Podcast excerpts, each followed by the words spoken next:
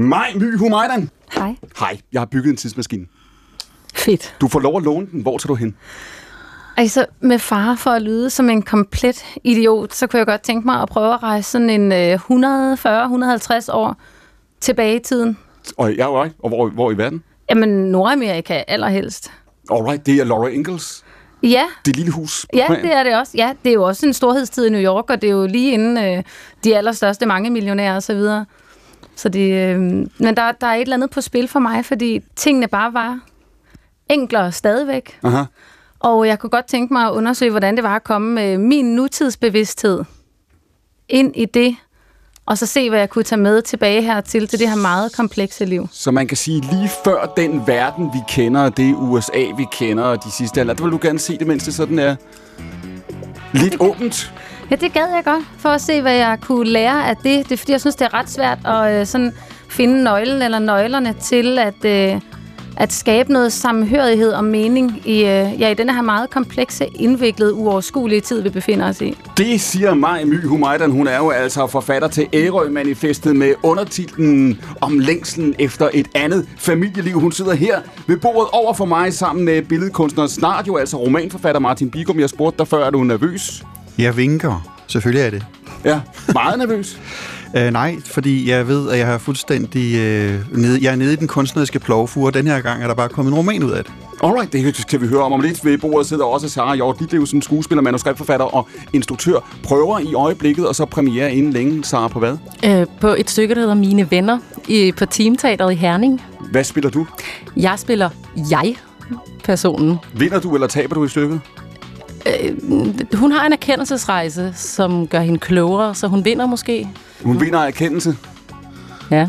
Det er ikke rigtigt nok, kan jeg se på dig. Jeg synes, det er et meget sådan sort-hvidt spørgsmål. Vinder eller taber hun? Altså, sådan er det jo sjældent her i tilværelsen, at det er så sort-hvidt. Og ved bordet sidder også Helle Ryslinge. Helle, hvis jeg spørger dig, hvad, hvad er din profession? Hvad er den første titel, du vælger? Der er en del at vælge mellem, jo. Jeg var betonarbejder for tiden Ja, i øjeblikket. Hvor er det, du jord- og betonarbejder? på Møn. Men ved du hvad? Det vil regeringen jo være glad for at høre, ikke? Fordi det er på en eller anden måde meget i pagt med tidsånden, kan man roligt sige. Dette er gæsterne. Mit navn er Clemen Kærsgaard. Programmet hedder Stafetten. Det er her, hvor vi sender både tidens og livets store spørgsmål videre til hinanden. Det er pæst.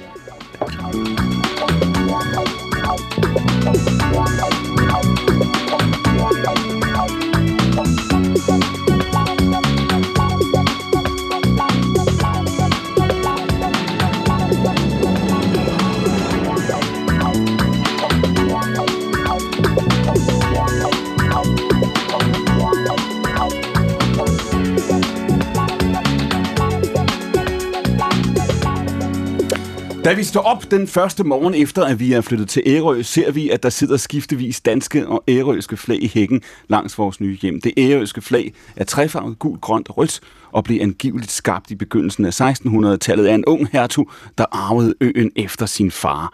Nu vejer det i vinden foran vores hus. Nu er vi en del af øens historie, og alle disse menneskeliv, sejlskibe og stolte traditioner er vi kommet for at lære om og bidrage til.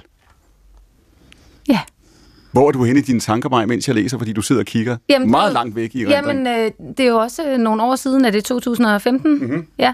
Maj måned. Øhm, jamen, det jeg sidder og tænker, det er faktisk øh, noget, som jeg også lige tænkte over, da jeg bevægede mig herhen mod DR-bygningen for en times tid siden. ja. Det er, øhm, det er byen, der jo ligger på Amager som sådan en form for altså dødstjerne, der er faldet ned fra himlen, ikke? Ja, det må man sige. Ja. I flere, i, på flere måder. Men øhm, på, på, på alle måder. Ja.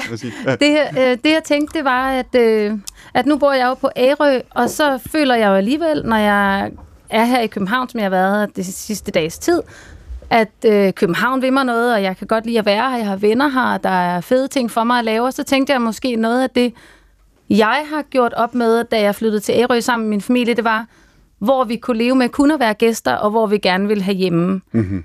Altså det der med at prøve sådan at komme til en erkendelse af, for mit vedkommende, jeg er sådan ret restløs og kunne bo mange steder, tror jeg, men at vi kan kun have et hjem.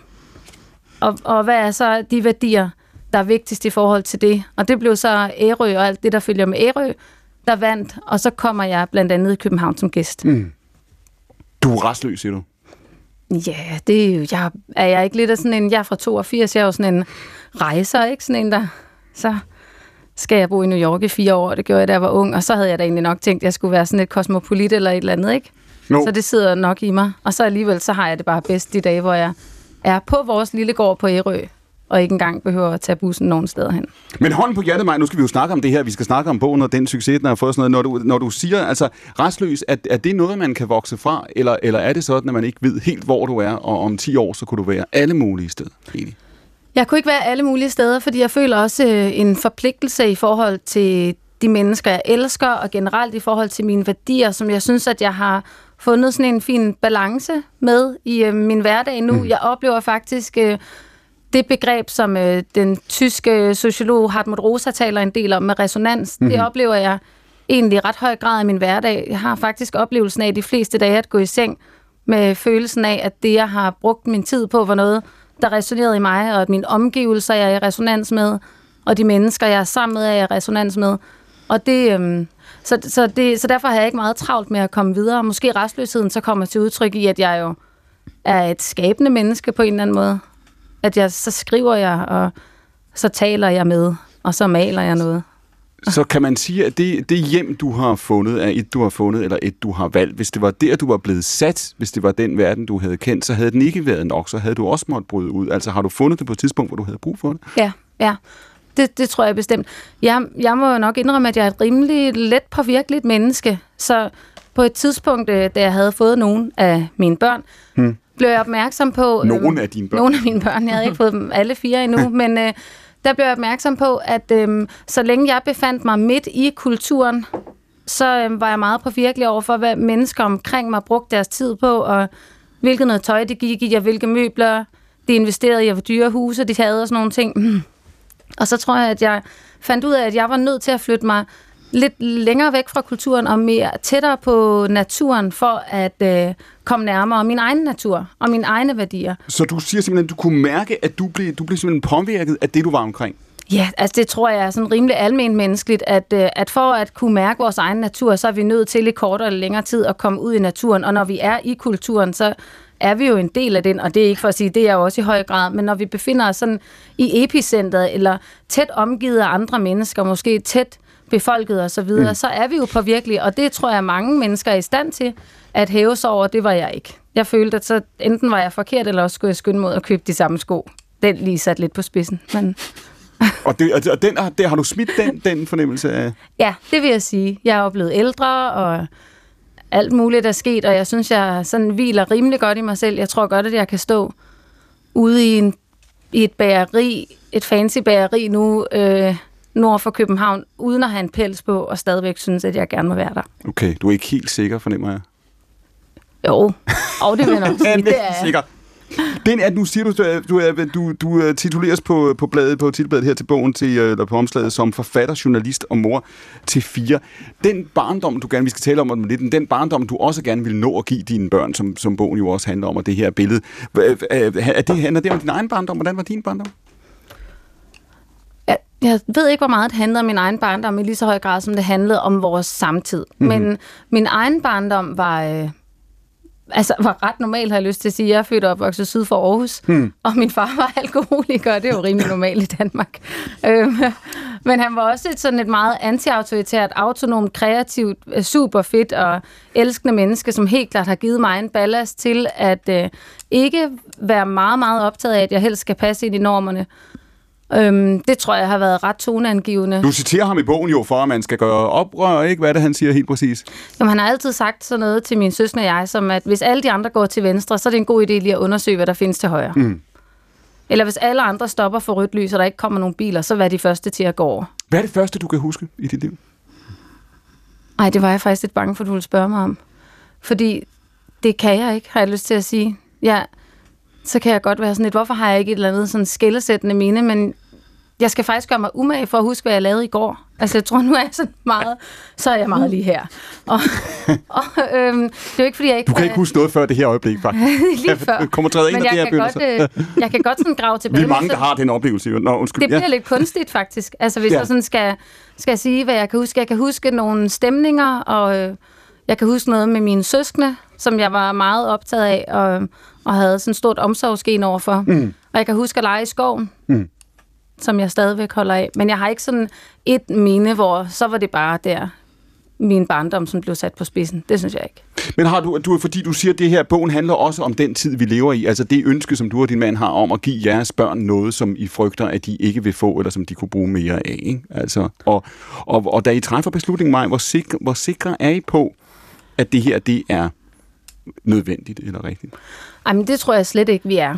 Og det, øh, det tror jeg heller ikke er en forventning, man skal have til sig selv, mm. øh, før man laver livsstilsændringer. Nu er det jo ikke for alle at lave så stor en ændring, som det vil være at flytte til Ærø. Mm. Jeg tror, for de fleste mennesker, så kommer de største og mindst traumatiske forandringer i livet jo af, at man lige sådan indstiller radaren på en grad i en anden retning, end mm. der, hvor man egentlig var på vej hen, og så kommer det lige så langsomt.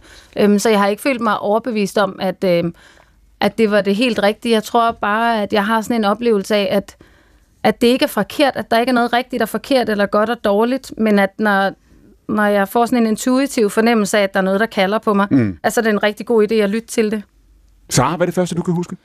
Øhm, ja, det sidder jeg lige og tænke på. Altså, jeg har nogle tidlige minder fra vores barndom i Berkeley, hvor vi var i et års tid, da jeg var tre hvor jeg kan huske, at jeg lå på sådan en daybed med en sutteflaske med æblejuice i, og jeg tænker, at jeg var lidt for gammel til at have den sutteflaske, men jeg nød det rigtig meget, mens jeg sådan flettede mit hår med min finger. Jeg havde altid sådan en kæmpe ule bag på håret, og så sådan noget bamseselskaber. Jeg legede rigtig meget alene, og så havde... Det er meget kalifornisk alt sammen på og en så eller anden måde. vi, øh, og vi, ja, og vi, fordi vi havde kolibrier i haven, og det var helt Hold da op. fantastisk. Det var lige bag ved Berkeley. Min far arbejdede på Berkeley øh, Universitet.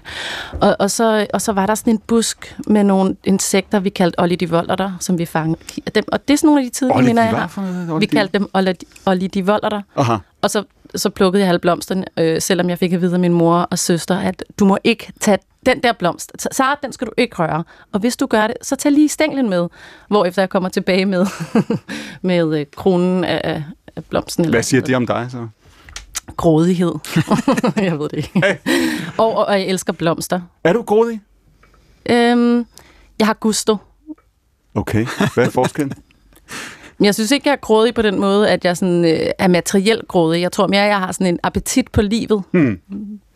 Du der ved synes ikke, jeg, du der er ved, stor forskel på de du ved ikke, ting. hvornår du har fået nok? Øh, jo, for jeg har også mådehold.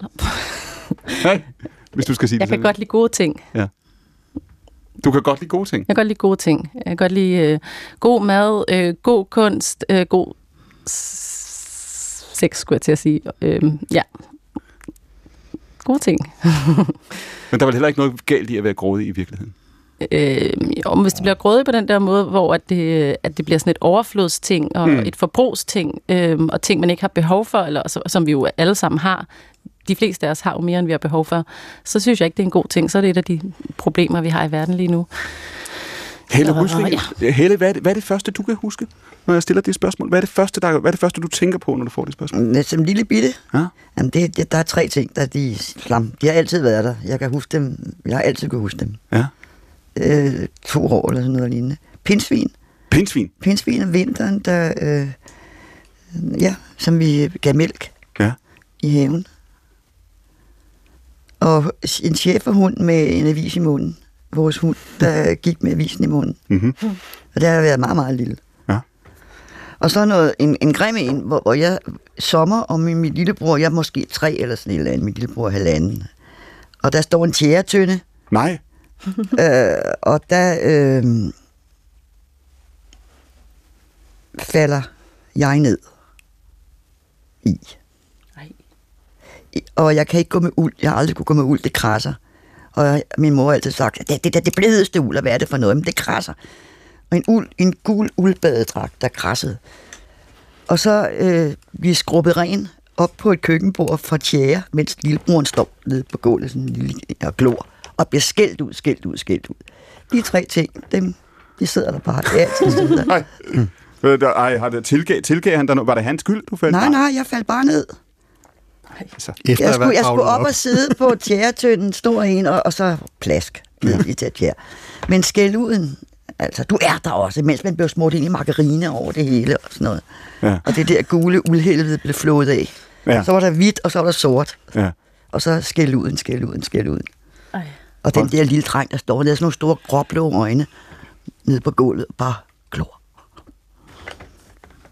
Det er jo, du spurgte, jeg spurgte før det med, om man har, det med med et specifikt minde, det her, ikke? Mm. Altså. Ja, de er tre meget specifikke, de Ja. for mit vedkommende. Og de Ja. har aldrig gået over. Mm. Jo, og tapetet på første sal.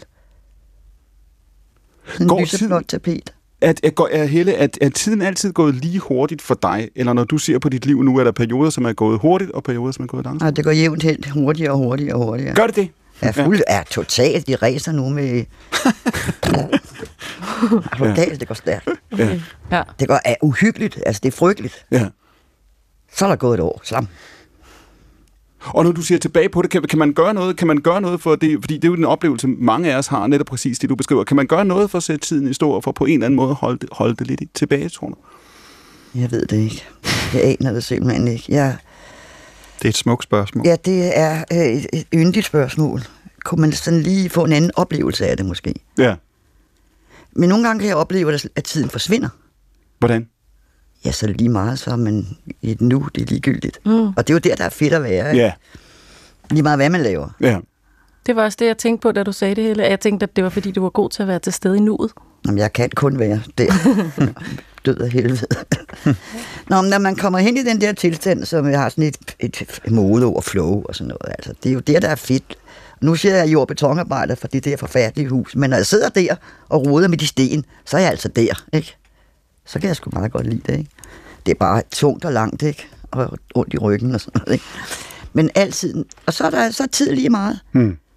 Lige i, i situationen, ikke? Den der fornemmelse af selvforglemmelse, altså når man, hænger, når man er sammen med nogen, man godt kan lide, når man er forelsket, man, eller man arbejder på en måde. Ja, man er inde i noget Man er arbejde. inde i noget arbejde, Ja. ikke? Ja.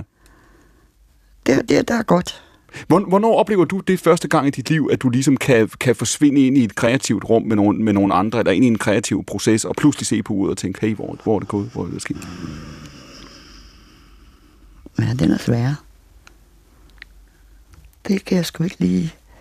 Jeg ved godt, hvornår jeg har været det, men du siger første gang. Åh, oh, I don't know. Men er det, hvad er det? Jo, når jeg sad som barn og broderede, tror Ja. ja. jeg. Mm. Fordi jeg skulle altid brodere. Ja. Altså, Under tvang. ja, det var ikke noget øh, skide hyggeligt barndomshjem, lad os bare sige det sådan, ikke? Hvordan? Og det er en lang historie. Men øhm, så blev jeg hele tiden opfordret til, Helle er så dygtig med sine hænder, Mm-hmm. Sagde min mor til alle andre. Ja. Aldrig til mig. Nej.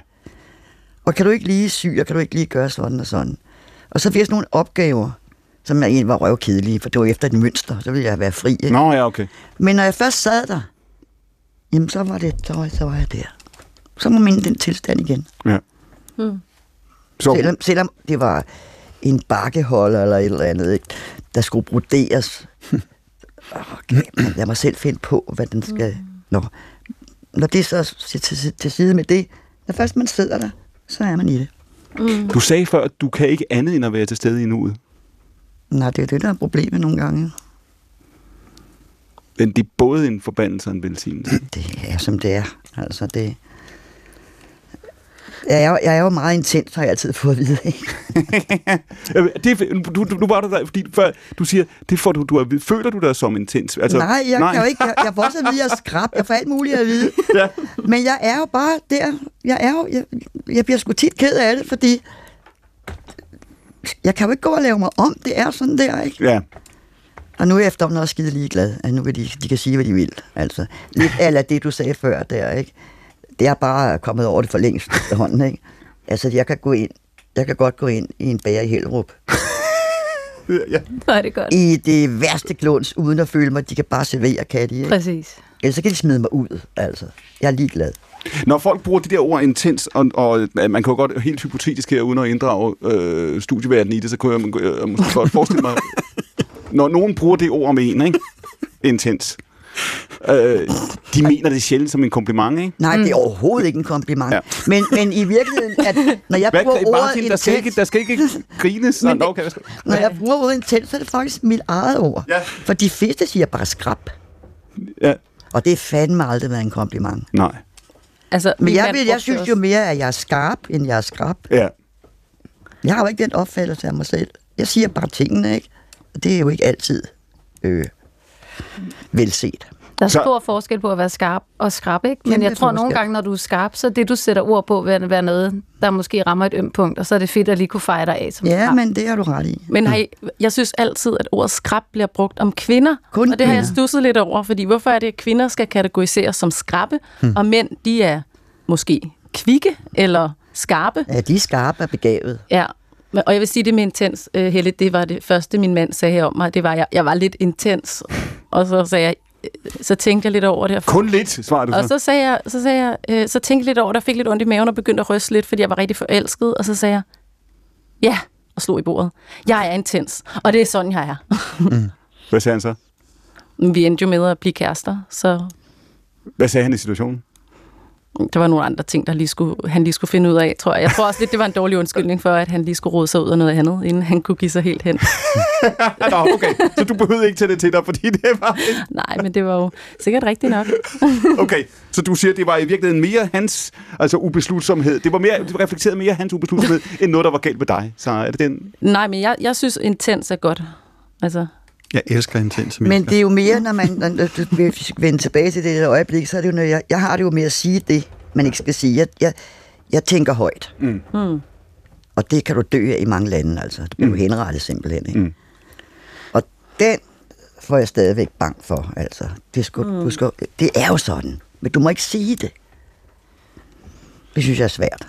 ja. Men Men, når det jeg- er meget, men når det jeg er meget siger- fordi at vi sidder og snakker om det her med det intense, at, øh, og hvor vi har også lige talt om, om øh, nuet, og det at finde ind til en balance i noget som, som altså en, en, en ro i livet på en eller anden måde, som, mm. som, øh, som er dragende. Man vil gerne have, at horisontlinjen er lige, at den ikke vibrerer, og der ikke er kæmpe bølger på den. Ikke? Øh, og det er som om, at det at være et intenst menneske, øh, man skal næsten lægge en dæmper på det. Øh, jeg har skulle kæmpe ret meget med at få min intensitet til at være kalibreret i forhold til min samtids ønsker om, hvordan at man er et, øh, et, øh, et, et menneske uden for meget temperament. Jeg, jeg, Ja. jeg elsker temperament, jeg elsker øh, øh, øh, hæftighed, Mm. mm. øh, men jeg oplever, at folk virkelig er bange for det. Mm. Mm. Øh, og det har jeg simpelthen taget til mig, og så har jeg simpelthen drejet indad mod en midte, hvor jeg siger, okay, så prøver jeg at komme i balance med, og det er, det er jeg meget glad for, at jeg har, har, har gjort. Øhm, men hvis ikke jeg havde fået det at vide gang på gang, så havde jeg ikke gjort det. Så øh, fra, fra, fra barns ben, som den jeg er, der har jeg meget stor øh, temperament. Så du, altså, du, du, blev, du blev lidt altså, vred ganske enkelt, ikke? Noget? Ja, og det, det er noget, jeg har jo kunnet se, at det har ødelagt meget mere for mig, end, øh, end øh, det har opbygget ting. Øh, jeg har en meget øh, klog og positiv og byggelig kone, som tog tyren med horn og så sagde, at når du kommer hjem fra atelieret med astronaut hjelmen på hovedet, og du træder ind, så har du skruet den af, inden du kommer ind. Ja. Fordi at en meget vigtig del i det, jeg laver, altså at være kunstner daglig, dag ud dagen, for eksempel ved at male, men også ved at skrive, det er øh, lidenskab, at det er det, der driver værket. Ja. Mm. Øh, og jeg, det er enormt svært, og jeg har lært det, jeg har lært det. Men du siger, du siger to ting her, Da Martin. børn. Ja, men fordi du, ja, men du siger to ting her, fordi på den ene side siger du, at du, for, du er glad for, at du har fået tøjlet dit temperament, ikke? Ja. Men det var ikke helt det, du sagde, da du startede. Det lyder også som om, du siger, at du er i virkeligheden glad for det. Du savner noget temperament også. Ja, jeg... jeg øh, Hæftighed, sagde du. Ja, altså, øh, vi var i en situation øh, for nogle år siden, hvor vi var på en restaurant med nogle af vores øh, venner, og så sad der et, et svensk selskab ved siden af, som blev meget fulde, og de blev meget, meget højrystet, og så sagde vores veninde, hey, people, listen up, there are other people here, please shut up, please uh, lower your voices. Og det var et chok i hele øh, restauranten, og man synes hun gik for langt. Jeg synes, det var super fedt. og øh, altså, øh, det var noget, som, hvor jeg tænkte, gud, jeg kan huske, da der var en gang, hvor at der var øh, plads til, at originaler bare sagde sådan nogle ting. Mm. Øh, men som jeg søger hun også hen mod mere rolige Så du siger, i den, i den tilværelse, de årtier, som du har tilbragt på planeten og i det her samfund, siger du, så er der blevet mindre plads til det. Altså, vi, er, vi, vi våger mere over hinanden, vi accepterer mindre, vi er, vi er bange for at blamere os måske ganske enkelt. Ja, vi er også blevet klogere. Altså, vi, øh, vi, de år, jeg har været her på planeten, der har jeg set, at vi, øh, vi bliver øh, psykologisk set, menneskeligt set, klogere i et felt, der hele tiden snæver sig ind, indtil vi så lige pludselig bliver øh, løbet over ende af force majeure, og, og hvordan, hvordan tidsånden skifter. Men det, jeg kan se, det er, at det, det har jo aldrig været godt med, at nogen var for skarpe, eller Mm. øh, det har jo aldrig været fedt, at der blev talt ned til en, eller, eller nogen flippes flipper ud i hovedet på en. Men, men, men, øh, men når vi nu er i en digital tid, hvor så lidt efterhånden, man kan ikke rigtig finde ud af, hvilke mennesker det egentlig kommer fra, så kan jeg godt lide at mærke passion. Øhm, ja. Mm. Men, du, Men det er jo ikke tale om at tale ned. Det var ikke det, jeg mente før, at tale ned eller flippe ud i hovedet på nogen. Det er Nej. Bare sådan at sige nogle ting, men nogle gange måske skulle have sagt, eller styre sig lidt, eller sådan noget. Mm. Fordi det er klogest. Mm. Men det er nogle gange så... Men, Ja. det er, jo- men det er jo en drivkraft, som kan bruges kreativt, og det er jo også det, jeg tænker, øh, vi alle sammen her rundt om bordet kan, kan gøre med den. Ikke? Fordi at jeg har også haft det her voldsomme temperament, som jeg altid har fået at vide, at jeg skulle skrue ned for, især da jeg var yngre, og, øhm, og, og for eksempel fire år på teaterskolen fik der også slibet nogle kanter. Men, men der fik jeg også at vide af min lærer, at øh, du kan bruge den, den kraft, du har, men mm. du skal lære at omforme den på en eller anden måde. Øh, så, så det er jo ikke, fordi man nødvendigvis skal lukke ned, men jeg kan jo godt mærke, at jeg kan, det, det er alligevel også... Eller jeg er ved at finde den der balance, synes jeg, fordi at jeg synes, jeg har de her to sider, hvor at, for eksempel, bare da jeg skulle over, jeg starter med at tage en, øh, en, en hvid, øh, pæn skjorte, altså en skjorte og nogle øh, ternede, hvide, sorte shorts. Og så var jeg sådan, ah, det var ligesom den pæne pige øh, siden, og jeg kunne bare mærke, at jeg havde lyst til, at, øh, at det var farverne, der skulle frem. så beskriv, hvad du har på nu. Så. nu har jeg sådan en øh, silkeskjorte, som er rød og gul og pink, og så har jeg en rød, nej, grøn nederdel. Øhm, men, altså, men det er de der to sider, der godt kan kæmpe, og især når jeg skal i sådan et radioprogram som det her, så kan jeg godt tænke meget over, nu, nu skal jeg Vi være... laver radio i farver her, det ved du godt, ikke? Hvad siger du? Jeg siger, vi laver radio i farver her, det ved du godt, ikke? Ja, ja I, I siger jo, at det er det sjove øh, bord ved bryllupsfesten, men jeg spørger, hvor er Proseccoen henne? Altså, det, men, Ja, det er jo den, det er den, du har med, kan man sige, din garderobe, ikke? Nej, men det, det er mere sådan en, hvad er det, hvordan er de her to sider, hvordan balancerer det? For det lyder også som om, det er det der Martin også siger, at Men- den, skal men- jo, den skal jo ikke gå ud over andre. Men har du, være været, har du været bange for at miste noget, Sara, når du siger det der med, at de fik slibet nogle kanter af dig på teaterskolen? Altså, der, du, der, der er noget, du lærte at styre, eller din, du blev sagt, fortalt, at du kunne bruge det kreativt. Sådan noget. Offrer man alligevel et eller andet? Fordi det samme, som Martin beskriver før, at på den ene side har man lidenskaben og passionen, og Helle siger, at hun har lyst til at sige, hun kommer til at sige, kan ikke lade være med at sige de ting, hun Og tænker. jeg, jeg har kommet til det. Ja, Mm. Men jeg, kan- jeg, jeg er lidt ligesom Helle, men jeg, Jeg, tror... jeg ved godt, at jeg skulle lade være, men jeg har sagt det. ja. og, Fordi jeg ved, det er sandt, det jeg siger. ja. Men, så, men jeg kan godt opleve det der med, når jeg så siger noget, at jeg så bagefter analyserer det efterfølgende, og jeg tror, det er den der pæne pige, der begynder at analysere, hvad, hvad, kom hundjævlen nu frem, eller, eller hundguden, om man vil. Var det for meget? Øh, skal jeg lægge låg på mig selv? Og sådan noget. Mm. Altså den der øh, overanalyse, der kan ske efterfølgende, den kan jeg godt have, og, og som jeg sådan tænker, at den kan jo være sund til et vis punkt, men det skal jo heller ikke være sådan, at man så øh, mister den Men der jamen, det er der, og det er det, jeg spørger om. øh, Fordi kraft, du, som også kan være, øh, som også er en kreativ kraft. Helle, oplever du, når du siger før det der med, at du har, har følt, at du var den, der sagde det, de andre ikke sagde, du vidste, det var rigtigt, at du kunne ikke lade være. Har, Nej, altså- det, er ikke, det, det, sker, det er sket for nyligt. Ja, Og det har kostet et venskab nu. Det er alvorligt, altså. ja. Det er det, mit stykke, det der stykke Det handler er om. alvorligt, det er sgu alvorligt, fordi altså... Jeg, jeg siger det, jeg siger det bare. Jeg ved, det er sandt. Og så rammer det, som du selv sagde før, man rammer lige ind i noget, ikke? Mm. Og så er reaktionen meget, meget voldsom. Mm. Sådan, så den er chokerende, simpelthen. Bum. Og der vil, der vil du ønske, at du kunne have stoppet dig selv. Mm, jeg, jeg tænker bare, der kan du se, altså. Det, det, du skal passe på, hvad du siger, ikke? Altså, det gør jeg også. Altså, jeg siger, jeg sagde men der er meget, jeg ikke siger. Ja. Og, og, der er meget, der ikke bliver sagt. Men jeg siger ting nogle gange, ikke altså? Men... Lever, lever vi i en tid, synes du, Helle, hvor der er blevet mindre plads, eller mindre tolerance, eller mindre tålmodighed? Der er, Nu? blevet, der, er- der er i hvert fald blevet så meget politisk korrekthed, så man næsten ikke kan trække vejret. Altså, det synes jeg også influerer på, hvordan man overhovedet opfører sig og taler. Du må ikke sige dit, du må ikke sige dat, du må ikke gøre sådan, du må ikke gøre sådan. Mm. Det er på alle mulige fronter. Det er helt... Øh, Og når du, ser til, når du ser tilbage på din ungdom og de år, og de, de år, hvor du begyndte at arbejde, og du var jo, altså du levede jo igennem de her årtier, 60'erne, 70'erne, 80'erne, hvor der godt nok var meget, der var i, i bevægelse, og der var ja. Ja. også en bevidsthed hos dig og din generation. Du tilhører en generation af, af skuespillere og, og manuskriptforfattere og filmskaber, som jo virkelig, altså man kunne virkelig se, hvordan fyrtårne blev flyttet, ikke? Fra mm. et årti til et, et, et, Jo. et, et andet. Hvis I dengang havde vidst, hvor tiden var på vej hen, hvad havde I så tænkt, tror du? det ved jeg, øh, dengang var der jo frihed, synes jeg. Ja. Det kan jeg jo se tilbage på og konstatere simpelthen. Ikke? Den frihed, der ikke er der mere. Heller ikke inden for filmbranchen. Der er jo ikke den frihed mere. Har du den samme oplevelse, øh, så? Øh, nej, tværtimod. Øh, jeg synes, at vi har bevæget os et meget bedre sted hen, end, end hvad det var tidligere, især som kvinde. Øh, jeg synes, det er rigtig godt, at vi har... Altså, jeg, jeg er med på, at der kan være en, en nogle gange en politisk korrekthed, som måske også kan stoppe en dialog, men i det store hele, så synes jeg, at det er meget bedre, at vi taler om samtykke og ikke overskrider hinandens grænser, blandt andet på filmsæt, som har været meget udtalt i, i Danmark. Ja, og, det... øh, og jeg har selv oplevet det, da jeg startede, altså hvor at, da, da MeToo startede, så tænkte jeg, det her har jeg ikke oplevet noget af, fordi vi bare troede, at det var normalt. Mm øh, at blive spurgt om at smide tøjet og improvisere en sexscene. nu er der, øh, hvad hedder det, intimate koordinator, eller hvad det hedder på sæt, eller sådan noget, hvor at, at det, det er et fremskridt. Mm. Det er skide godt. Oplever du, at vi lever i en tid nu, hvor kan man sige, at, at der bliver stillet nogle forventninger om, at kunsten skal tale ind i samtiden og ind i politiske spørgsmål på en anden måde, end den gjorde før? Mm, jeg synes, det er en, en skøn, tumultarisk tid, vi er i, som får reddet en masse ting op ved rodet, som, som jeg altid har undret mig over. Mm. Øhm, og jeg tror, jeg, jeg tror næppe mine egne øjne og ører.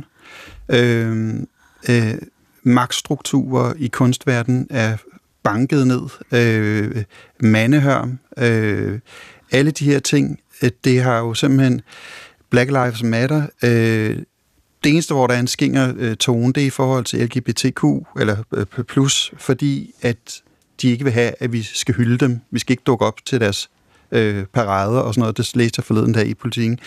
Øh, men jeg synes, at det er en tid, som hvor at det, man kalder Vogue, og hvor at de vrede unge holder øje med, hvordan at vi formuleres. Mm. Jeg tænker, at som altid har, er det de unge, der er fremtiden. Når du ser tilbage så nu på, på, på øh, 90'erne øh, og 0'erne for eksempel, tænker, tænker du, at vi bildte os ind, at der var nogle problemer, vi havde efterladt, og som vi virkelig bare sad overhørt? Altså, nuet er altid konkret, mm. og det, der sker i en samtid, hvor meget kan du gøre fra der, hvor du er? Mm. Øh, den den øh, heksejagt, der er på, hvorfor at vi ikke har gjort mere. Mm. Jeg har altid været i berøring med kunstneriske miljøer, i miljøer med, med folk, hvor de var til den ene eller den anden seksualitet og sådan noget. Der har altid været en meget øh, driftig kommunikation om, hvad øh, situationerne var og så videre der var ikke andet, du kunne gøre, andet end for eksempel, at nogen skulle passe på AIDS, og i kunstverdenen, der skulle du, skulle du være ekstra stærk, hvis du skulle være kvindelig kunstner. Husk at sætte dig igennem. Altså, der er en masse ting, som nu bliver formuleret mm. på en ny måde, men som, som hele tiden har været på agendaen. Mm-hmm. Du, siger før, det, du sagde det før, Martin Bigum, der sagde du, at det er en tumultarisk og en skøn tid også. Der er jo nogen, ja. der vil sige, at det her det er ikke en skøn tid, det er en, en polariseret tid, det er en tid, hvor vi bliver bange og nervøse, ja, vi er bange der, for Jeg synes, folk er så utrolig bange, og øh, øh, jeg synes, at det var fantastisk, hvordan at vi er kommet igennem en pandemi. En pandemi, som jeg ikke kan fatte, ikke er blevet behandlet mere i kunsten. Mm. Øh, det har jeg også skrevet en, en kronik om i Weekendavisen. Øh, jeg synes, at nu er vi på den anden side af det, og, og alle de ting, der er blevet åbnet op til diskussion, er meget nødvendige at få åbnet op og diskutere i en tid, hvor at Boris Johnson laver Brexit og hælder et land ned i, i, i kløften, og, og øh, Donald Trump han øh, viser os, at hvad der er sandt ikke er sandt, og han kan overbevise så ufattelig mange mennesker om det. Øh, vi ser, og vi, du, vi ser du... nogle magt- og værdistrukturer rejse sig, som selvfølgelig er meget uhyggelige, men når jeg hører af mig flytter til Ærø ja. og søger ind mod en kerne, når jeg hører min 22-årige datter og hendes kæreste, hvordan de rejser rundt i hele verden til Kirgisistan, til, til Grønland, til, til dybt ind i USA, for at finde det oprindelige, det mm. autentiske, og lever fuldstændig som hippier øh, fra 1966-67. Basic, så, er det, så ved jeg, at at øh, fremtiden er på vores side, fordi at menneskets drift efter at, at genfinde øh, øh, øh, resonansen ja. er der. Mm. Sara, kan du genkende den beskrivelse, når Martin siger, at det her det er en, en tumultarisk, men også en skøn tid? Ja, det synes jeg er en smuk måde at, at se det på. Og, og måske også i forhold til det, vi talte om før, og du nævner LGBT+. Altså, mm. der, der sker jo en masse skift lige nu, som, og en ny virkelighed, vi skal lære at navigere i, og det, det kan også skabe en utryghed, og hvad må jeg, hvad må jeg ikke. Mm. Men jeg tror også, en overgangsfase til en bedre øh, virkelighed, hvor der forhåbentlig kan være mere rummelig. Mm. Øh, så, fordi jeg oplever tit for eksempel mine forældres generation, og sådan, må, må, især min, min søde svigerfar, der kan finde på at sige, må jeg det, og må, må, må du så gerne spille den her rolle, hvis du ikke er, øh, hvad ved jeg, et eller andet, som jeg måske ikke er i virkeligheden, hvor jeg tænker, jamen ja, jeg er jo skuespiller, men der er jo en masse øh, spørgsmål op i tiden, som øh, vi ikke nødvendigvis har svarene på, og vi søger lidt, og sådan, men jeg tror, at vi går en bedre fremtid i møde. Der er jeg meget enig med det, Martin siger. Hvad, hvad tænker, hvad tænker du, Maja My? Det er jo virkelig det er jo en af de store spørgsmål i tiden. Det her, det er, at vi, er vi på vej et sted hen, hvor du hører Martin nu og Sara sige, jamen her, det her, det er en, en, en svær proces, og der er ting, der bliver flyttet, og det gør ondt, og der er nogen, der skal finde deres vej. Der er andre, der vil sige, hør her, det vi ser, vi ser det i Danmark, vi ser det i USA, vi ser det verden rundt, det er, vi er på vej længere væk fra hinanden, vi er på vej ind i, i grupper, hvor vi hver især definerer, hvor, hvad vi selv kalder sandhed, og hvad vi selv kalder løgn. Vi kommer til at få svære og svære ved at, at tale til hinanden og være noget for hinanden. Hmm.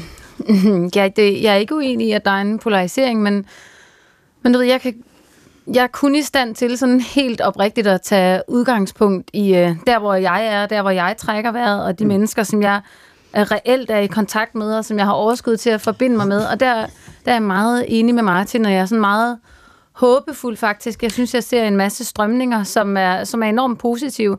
Og så tænker jeg også i forhold til det, du sagde, før, Martin, med det der med, eller der var en af jer, der nævnte noget med, med ro. Mm. Det der med at længes efter roen, at det tror jeg er en, er en almen menneskelig længsel, men jeg tror ikke, at den er, den er jo bare ligesom alt andet en del af det der cyklus, vi er i. Mm. Så er der ro, og så er der uro, og så er der ro, og så er der uro, og det er jo, det er jo sådan, det er. Mm. Men jeg synes også, at skeletterne vælter frem lige nu. Og jeg tror lidt, at jeg siden øh, de, de der 80'er og 90'er, hvor alting bare var selvbruner, og det bliver kun bedre, det bliver kun større, det bliver kun vildere, så tror jeg nok også, at jeg som barn og ung har gået og tænkt, hvornår vælter det hele ud af skabene? Der er et eller andet, vi bliver nødt til at se. Der er noget, der er noget vi fortæller os selv og hinanden, som, som ikke er rigtigt. Og så, så noget, jeg, jeg tænker over lige i tiden, det er, at, at hele mit liv, der har det, vi har, det, vi har stræbt efter, eller det, der har været, været forbilledet, det har været noget nyt, vi kunne. At nu kan vi tale med mennesker på den anden side ja. af jorden, og nu kan, det, har været, det har været nye ting, vi, vi lærte. Og nu er det ligesom om, at det vi gerne vil, det er, at vi synes, jeg så lige, øhm, inden jeg kom herhen, at Matas har lavet en kæmpestor ny billedserie med fotograf Petra Kleis, hvor hun for første gang i, på en kommersiel opgave nogensinde er blevet bedt om ikke at lave nogen retuschering overhovedet. Mm. Og der tænkte jeg det der med, at nu begynder vi faktisk at hylde det, vi ikke gør. Men er det ikke mm. også bare, er det mm. ikke bare markedet? Er det ikke bare, øh, kan du sige, forbrugerismen, der går et andet sted hen? Nu har man forstået, at der er penge at tjene i at lave noget, som er ja. autentisk. Der er penge at tjene i at komme tilbage til naturen. Så det, du ser nu i de her år og de kommende år, det er, at nu finder markedet ud af at sælge os illusionen om ægthed, illusionen om, om naturlighed, øh, og så køber vi den, fordi, fordi det er det, der er på mode nu. Givetvis. Nu bor jeg et sted, hvor der ikke er en Matas. Så det, jeg hæfter mig ved, det er, at øh, mine to døtre navnlig, ja. at øh, de billeder, de ser fra Matas fremadrettet, vil være nogen, som de nemmere, som de hele nuancerede mennesker, de vil kunne se sig selv i. Men Helle, når du siger før det der med, at du siger, at du, du er til stede i nuet, fordi det er det, du kan, eller du kan ikke være andet end til stede i nuet. Er, er du bange for fremtiden, eller glæder du dig til fremtiden? Ja, den bliver jo ikke så lang, så der... Nej, men den der, den, den, øh, når du ser ind i den? Altså, for, for, for øh, vores allesammens skyld, jeg, jeg synes, den er scary, altså. Hvorfor? Jamen, det er flere parametre på. Det er politisk, for eksempel. Vi sidder og snakker om det lidt dernede. Hvis Trump, han øh, tager den en gang til, ikke? Mm. De konfrontationer, det vil give. Altså, jeg synes, det er uhyggeligt, ikke? Mm. Og det er ikke usandsynligt. Det er det virkelig ikke. Og krigen i Ukraine, det er, og hele klimasituationen. Jeg synes, mm. det er en skrab tid, ikke? Den er svær. Mm. Og så er der det, du siger, Martin, og det er nemlig også rigtigt. Så er det der med det er personer. Det er ikke store be- altså individer, der ligesom går den anden vej. Ikke? Mm. Din, din datter der, mm. ikke? Lige dem er der, der er der meget af. Mm. Jeg står af det her, ikke? Mm. Jeg enkelt tiny homes og simple living og alt noget, det er jo væltet op, ikke? Mm. Og det er, også, er, det, det er jo polarisering, det er modreaktion. Er det også derfor, du øh, render rundt på møn? Nej, det var fordi, jeg har tænkt, den der store lejlighed, jeg, jeg, skal, jeg har boet der i 40 år, jeg skal ikke bære sig ud fra. Okay. Hvis, jeg skal, hvis jeg skal gøre noget, skal der mens jeg kan vælte en væg selv. Ja. Så nu rykker vi. Hmm. og nu har jeg altså væltet et par vægge og så videre. Ikke? Ja. Og så øh, kom jeg derned øh, og besøgte nogen, jeg kender, og så tænkte jeg, åh, jeg skulle det er sgu fedt hernede, eller et eller andet. Og så reagerer jeg ret hurtigt. Så går jeg med et instinkt, og så handler jeg. Og så, så du køber et hus på Møn? Ja, så sælger jeg min store lejlighed, bytter den til en meget, meget mindre. Mm-hmm. i samme ejendom, Ja. kan man sige. Køber de hus også, og Ja. får, og får lidt penge ud også, ikke? Og huset viser sig at være stærkt problematisk, så det æder jo bare af kassen, ikke? Hvad er der galt med det hele? Og alt muligt. Opstigende grundfugt. Og til at starte med, det er en alvorlig ting. Så- Opstigende grundfugt. Ja, altså... Det, det, det er navnet på en digtsamling. Ja, Der, hvis. opstigende grundfugt, det lyder godt. Men det er det ikke. Kunne du finde på at flytte så langt væk, han har sagt, eller koble så meget af?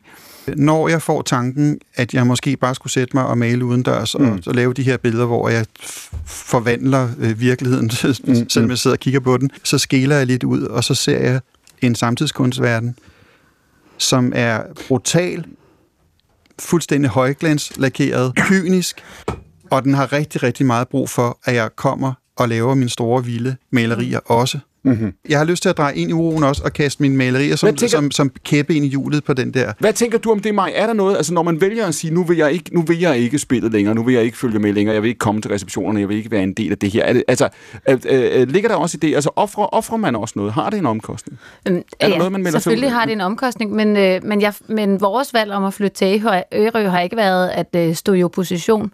Og det er ikke, fordi jeg ikke kommer til receptionerne, men det er rigtigt, jeg har en rimelig lang rejsetid, når jeg vælger at gøre det. Øhm, så for, mm, for mig tror jeg, Ærø var, var bare et af flere steder, hvor vi kunne bo, men hvor det for mig, også økonomisk jo selvfølgelig, det der med at købe en ejendom på Ærø er noget mere overskueligt, end at gøre det øh, herover. Mm. Men altså gav sådan et øh, grundlag for faktisk også at kunne leve af et kunstnerisk, kreativt, øh, selvstændigt virke. Øhm, der er simpelthen ikke, øh, der er ikke lige så mange regninger, der skal betales. De er i hvert fald ikke lige så høje.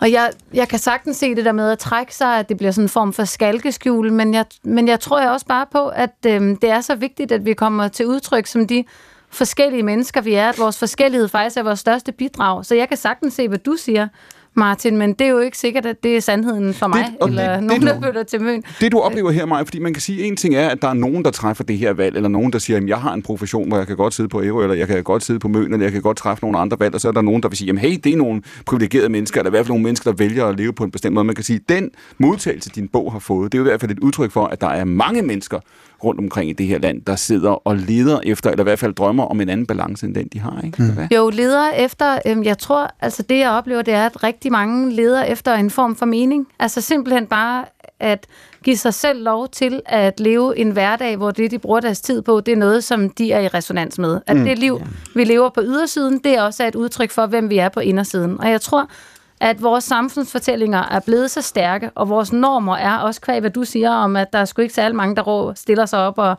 råber et eller andet pik og patter længere. Altså, du ved, det, det, vores samfundsnormer er også blevet så allesteds nærværende og kvælende, Ja. store skabelonerne er Ja. voldsomt øh, over det hele. Man må At, ingenting. At så tror jeg virkelig, at vi er nødt til faktisk at være ret bevidste omkring de valg, vi træffer, for at det bliver vores liv. Og det behøver ikke betyde, at vi træffer anderledes valg end vores nabo, men vi er nødt til lige at se de der valg i øjnene, om ikke andet så kortvarigt forholde os til dem, for ellers så er vi overhængende fare for at leve et liv, som ligesom er vores bankassistents våde drøm, eller vores mors våde drøm. Føler du, Helle Ryslinge, at du var heldig, at du var født på det tidspunkt, du var født på? På det tidspunkt, og ikke 20 år før eller 20 år efter? Nej, det har jeg sgu ikke tænkt over. Det, det, nej, det ved jeg ikke. Hvornår er du Sådan født. Helle? Jeg er fra 44. Det er, som det er. Det var ikke nogen privilegerede årtier at være en del af, at være en, og fordi det var også en generation, og der var Du også... mener ungdomsom, altså den der 60'erne? er det det, du ja, tænker ja, på? Ja, den proces. Det, tænk, det tror jeg ikke, nogen tænkte over, men imens, der er det bare. Mm. Det, det er sådan noget, man ser bagefter. Ja. Når man, det er sådan noget, åh, så kan vi se, der var et op, op, op. Det er jo de der perspektiver, men de er jo altid i baghjulet, ikke? Jeg tænker du ikke, det er det jo var... sjovt at have oplevet. Det er sjovt at have oplevet den tid, det er det. Det vender vi tilbage til i time 2. Det er Helle Ryslinge, filminstruktør, manuskriptforfatter, skuespiller og yogalærer. Hun sidder ved bordet ved siden af mig, My Humayden, der jo altså er forfatter til bestselleren Ærø-manifestet. Ved bordet sidder også Sara Hjort, der lige om lidt er teater aktuel med forestillingen, som hedder Mine venner. Og om et øjeblik, den romanaktuelle Martin Bigum med romanen, der hedder Hovedværk. Hovedværk. Den kommer om lidt. Mit navn er Clemen Kærsgaard, dette er Stafetten, og vi er tilbage efter radioavisen, men den kommer her, for dette er P1, og klokken er 13. Der er masser af sjæl på P8 Jazz. Et program, der er fyldt med soulmusik. Karen Rosenberg giver dig soulmusik i alle retninger. Helt tilbage fra da soulen startede og frem til i dag. Det er altså originalen, vi skal lytte til af nummeret Tainted Love. Det her, det er Gloria Jones. Her bliver der altså virkelig bluset og soulet igennem.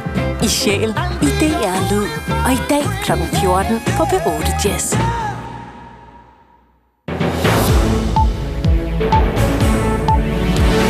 Den unikke bestand af brakvandsfisk som geder og aborger i farvandene ved Sydsjælland, Lolland Falster og Møn er truet. Derfor skal der sættes gang i en redningsplan, lyder et opråb til regeringen fra seks borgmestre i området. Det er Vordingborg, Guldborgsund, Næstved, Faxe, Stævns og Køge Kommune, der efterspørger en samlet national indsats for at sikre en sund bestand af brakvandsgeder og brakvandsaborger. For det er ikke en mission, kommunerne kan klare alene, siger Venstreborgmester i Faxe, Ole Vive. Her har vi altså nogle arter, som er under massiv pres. Så det er jo med at sætte fokus på det, men, men det er jo ikke sådan en, en, en kernekommunal opgave, og derfor så øh, henvender vi os, vi os til ministerne for at også få noget finansiering, sådan så vi kan fremadrettet gøre en indsats. Hvis indsatte i fængslerne træder uden for reglerne, kan de nu blive mødt af flere slags straffe end tidligere. Kriminalforsorgen har indført fire nye disciplinærstraffe, blandt andet midlertidigt at miste retten til telefonopkald eller få besøg. Indtil nu har betjente kun kunne straffe dem med advarsel, øh, bøde eller en tur i isolation, og den palette af disciplinærstraffe har ikke været bred nok, siger justitsminister Peter Hummelgaard. Vi har kunne se, at hele det disciplinære øh, strafsystem, som vi har haft internt i fængslerne, har været øh, rigidt og ikke givet nok muligheder for at tilpasse straffene til, hvad det er, man har overtrådt øh, af regler. Det er betjent og enhedsleder i Vestre Fængsel, Jakob, enig i. Han tror, at de nye regler vil gøre det nemmere at straffe på en måde, der faktisk berører den indsatte. Det vil sige, hvis nu du har rigtig mange penge på kontoen, så er det måske ikke at få en bøde på 50 kroner, der, der rigtig betyder noget for dig. Nu kan man ramme ham med, at øh, man kan fjerne hans telefonopkald, man kan fjerne hans øh, besøg til, til venner. Så derfor kan man ramme ham på det, der går ondt på ham. Jakob optræder kun med sit fornavn af hensyn til hans sikkerhed. En af de mest magtfulde forretningsmænd i Ukraine er blevet varetægtsfængslet i to måneder, anklaget for bedrageri og hvidvask. Igor Kolomojski menes at have tjent styrtende med penge i forskellige industrier efter Sovjetunionens fald i 1991. Han ejede tidligere den private ukrainske bank Private Bank, der blev nationaliseret i 2016. Og det er via sin bankvirksomhed, han mistænkes for at have hvidvasket, hvad der svarer til næsten 100 millioner kroner. Kolomojski, der i forvejen var underlagt amerikanske sanktioner, hjalp med at få Zelensky valgt til præsident i 2019. Siden Ruslands invasion i februar sidste år har Ukraine indført en hårdere linje mod korruption, blandt andet på grund af krav fra Vesten. Så er vi nået frem til en vejrudsigt. Lidt eller nogen sol de fleste steder, men kun i perioder, og den kan også være sløret. Men bedre end det er mod nordvest, hvor der en overgang kommer regn. Let til frisk vind fra vest og sydvest.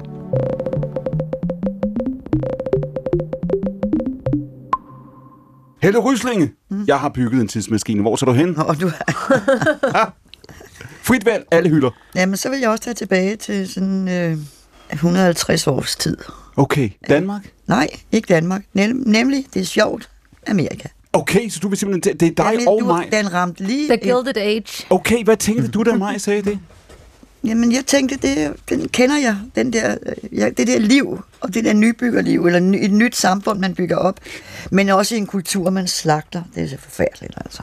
Altså, jeg må sige, der er simpelthen et... øh, Der er en tv-serie lige der, hvor Maj My og Helle Ryslinge tager tilbage til 1800-tallet. Jamen, jeg holder jo med indianerne. Det er det, der bliver serien. Det gør Det vi jo da det, jeg altid har Det er gjort. det, er det, det, det, det skal handle om. Velkommen tilbage til uh, anden time her. Før hørte I filminstruktør, skuespiller, manuskriptforfatter og også meget andet. Helle Ryslinge, hun sidder ved bordet ved siden af Maj My Humaydan, forfatter til bestselleren. Det er meget rart at blive introduceret på den måde, ikke? Det gør ikke noget. Ja, det gør ikke noget. Den hedder Ærø-manifestet. Ved bordet, der sidder også den snart romanaktuelle billedkunstner Martin Bigum. Og ved bordet sidder også Sarah Hjort, der er premiere om ikke så forfærdeligt længe. Ja. Hvor længe har I øvet? Vi, har, vi havde øh, to ugers forprøver øh, før sommeren, og så har vi været i gang Og du siger, i det der, tre uger. Tre uger. Og det der, er, det, der er med teater, siger du, det er, at det sidder i kroppen på en på en anden måde. Ja, nu, nu var det også i forhold til den oplevelse, jeg tænker, det giver hos publikum. Ja. Og, og ja, så, for der er jo, det er jo virkelig nuets kunst, og det er det, der er så smukt ved teater. Så du siger, Fordi man, det forsvinder igen. når man vågner om morgenen efter at have været inde og se noget rigtig, rigtig godt teater, så kan man mærke det stadigvæk. Ja, og jeg vil sige, den følelse, det kan give, når man sidder i salen, øh, hvor at, øh, det, det kan blive virkelig sådan fysisk på en eller anden måde i hele kroppen, synes jeg. Øh, godt teater kan, Når det lykkes. Når det lykkes, ja. Det siger sig Hjort. Mit navn er Klingen Kærsgaard. Dette er Stafetten.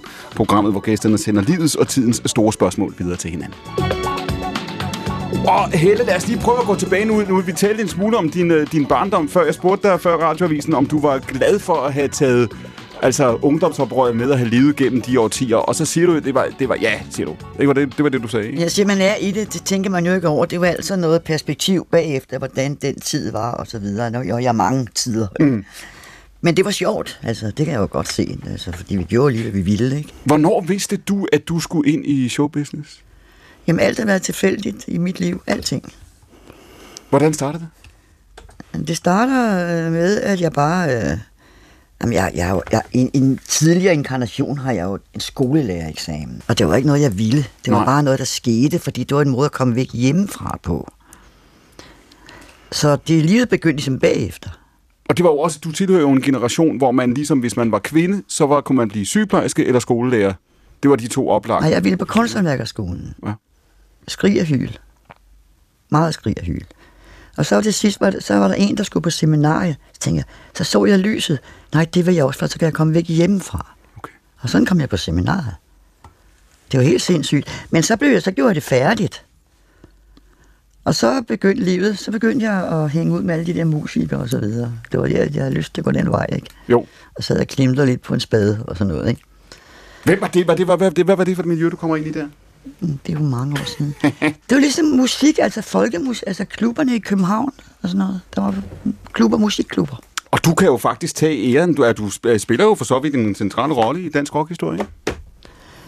Det vil jeg da ikke sige. Det vil jeg da sige. Nej, det er da langt fra virkeligheden. Hvad var det, der skete? Nå, nu ved jeg, hvad du mener. Men er det det? Jamen, det er den der, for du... Jamen, det er jo ikke noget. Det har ikke noget med mig at gøre. På det her tidspunkt, det er før, der eksisterer dansk rock i virkeligheden, ikke? Og så kender du... Nå, men det er fordi, jeg kendte Erik Skalø og Stig Møller. Det var bare Ja, det. og det, er ikke- jamen, det, jeg dem du, sammen. det går for hurtigt. Det går for hurtigt. Vi skal lige ned i, i tempo her. Du kender Erik Skalø, som jo, som jo øh, bliver en... Altså, de bliver begge to centrale skikkelser i dansk rock. Dem, der laver øh, Steppeulvenes. Hvad er der sker? Der var jo ikke noget, der hed rock inden, vel? Det var der jo ikke. Det er det, jeg siger, Helle. Ja. Erik, han var en, han, han var en skribent. Og god. Han skrev også nogle skide gode artikler og sådan noget. Han var bare skrev ja. godt. Og så spillede han de der sange og sagde, du skal bruge en guitar, så skal have en guitarist, så kører det. Jeg kender en. Det gjorde så. Stig Møller satte dem sammen. Og så kunne, det blev det til steppeulvene. Det er jo det, jeg siger. Men det er jo ikke, det er jo ikke noget, jeg Åh, oh, har. du har en lille finger med i spillet. Men det er jo simpelthen, ja, men det, er men det blev det faktisk. Så fik de fat i en bassist og en trommeslager, og så kørte det for dem, ikke? Hvor det var, det var rigtigt set. Hvor gammel er Erik Skalø og Stig Møller på det tidspunkt? De er jo... Jamen, vi er jo, de er jo unge. Ej, han dør jo, da han er 25 og sådan ja. noget, ikke? Møller, han er der endnu. Du siger før det der med, at I vidste ikke, hvad det var, eller I vidste ikke, hvor stort det var, eller hvilken betydning det ville få. Er det, er det nødvendigvis rigtigt? Fordi jeg synes, når man læser øh, hans tekster, Stebulvenes tekster, og læser om perioden, så får man jo det indtryk af, at der er mange, der tænker, Gud, nu sker det. Nu, nu, nu sker den store forandring. Der er en dør, der står åben her. Det bliver ikke, som det var. Nå, men det har vi jo set mange gange. Det er jo også set siden revolutioner, der øh, oplevelsen af nu. Mm. Jeg mener stadigvæk, at man er i nuet. Nuet er bare, som det er. Ja. Og det nu, nu var ret langt og ret frit. Overskriften var faktisk frihed, ikke?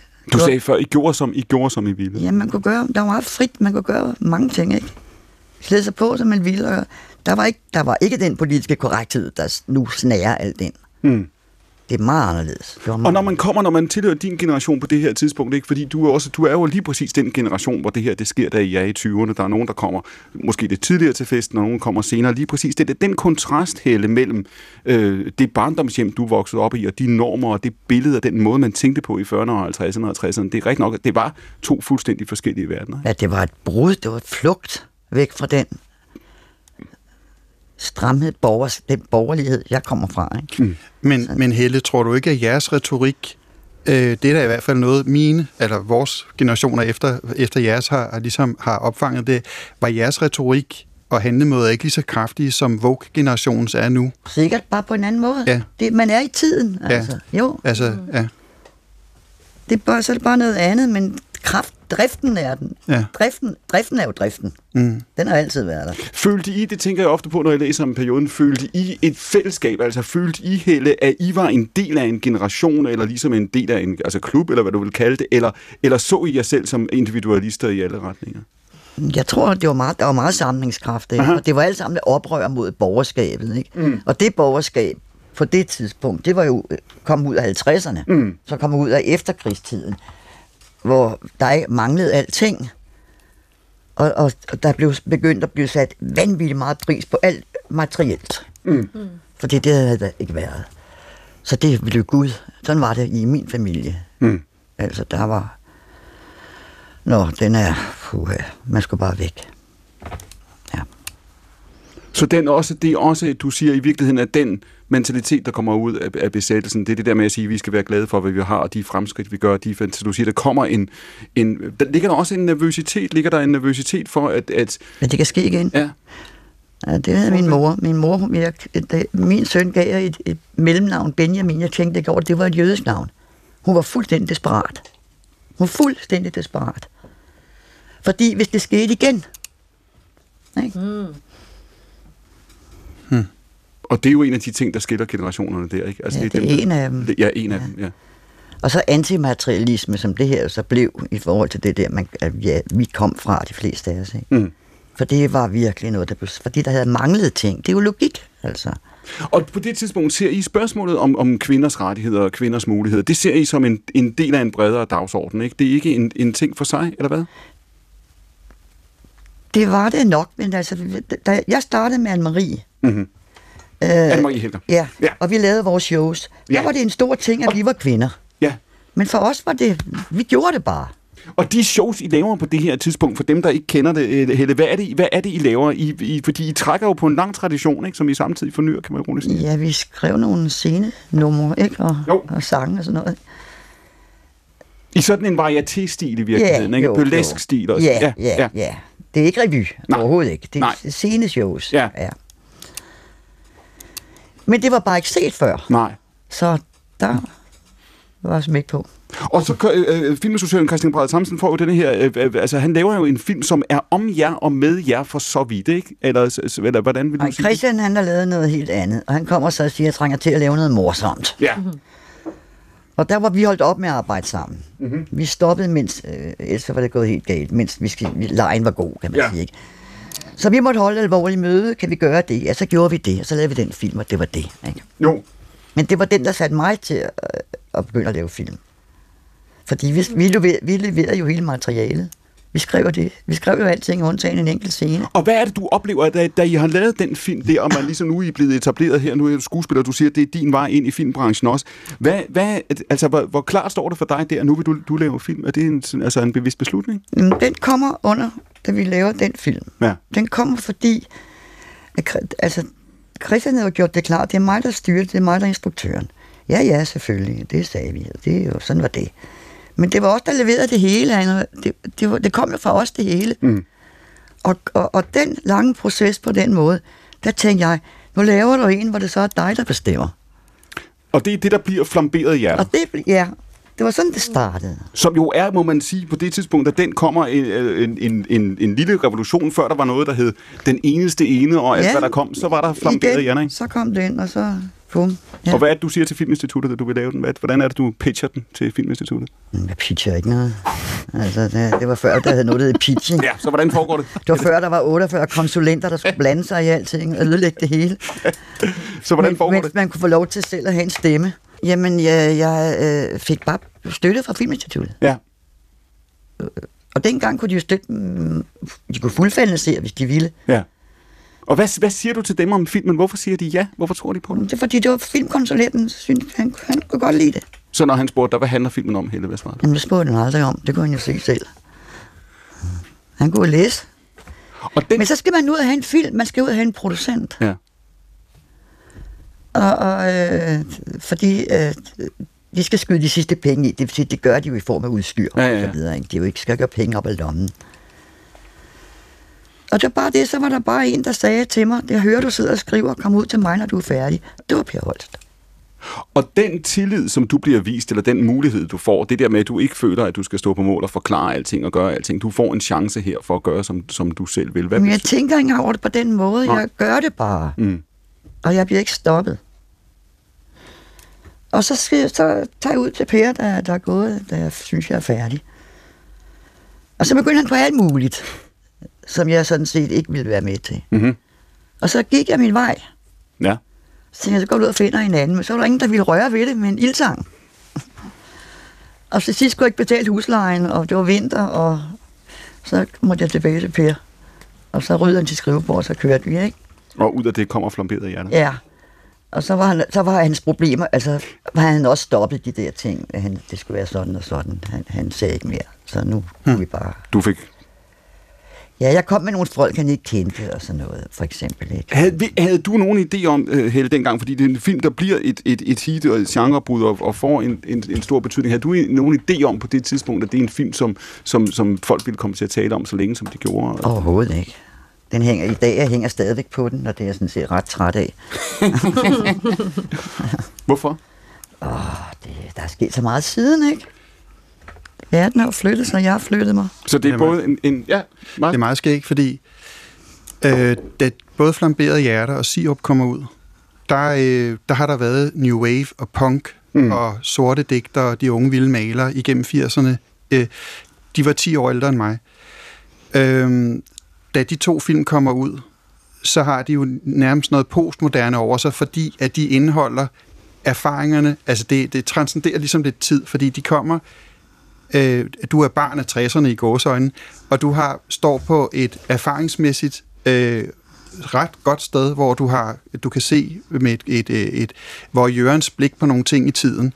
Og der var nogle facetter i 80'erne, som, som, som jo bliver spidet i den her øh, de I, her to film. I Sirup især. Ja, og der, der bliver behandlet kunstmiljøet, Ja. der bliver be- behandlet øh, mænd, der går for langt, mm. øh, der bliver behandlet en kvinde, der er for stærk, mm. og øh, at der er ubetalelige scener, så som at vi ser, at hver gang, at vi ko- kommer forbi en container, så kravler danskerne rundt i containerne, fordi de kan bare ikke få nok af at skralde den. Ikke? Øhm, øh, det, nogle gange, så generationen før en, de piker, mens man er i gang med at gøre op med dem. Ja.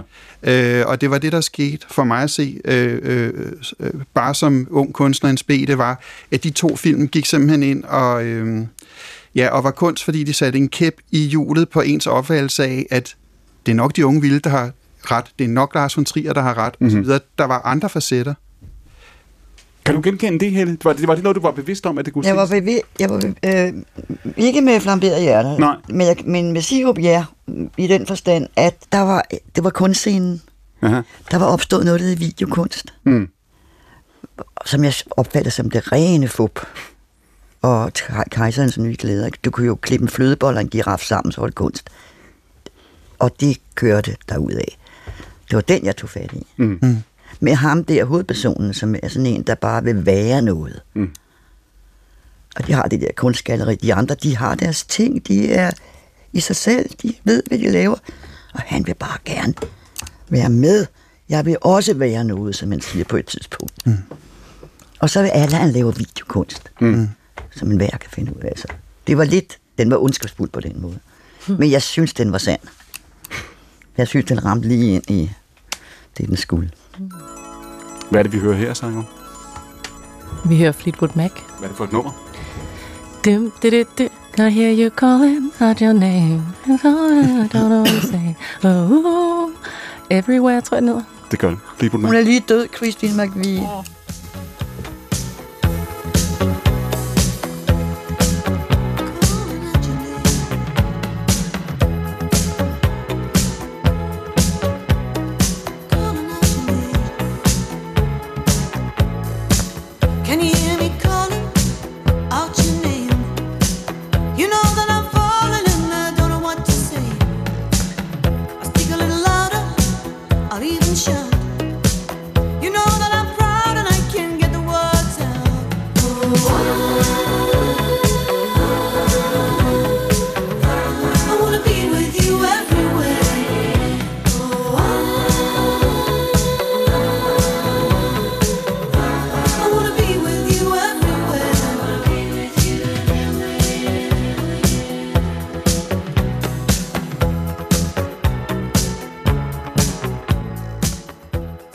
Christy McVie, der ganske ikke rigtig døde tidligere i år, og resten af Fleetwood Mac, Tango in the Night, nummeret Everywhere. Hvorfor er det, vi hører det så?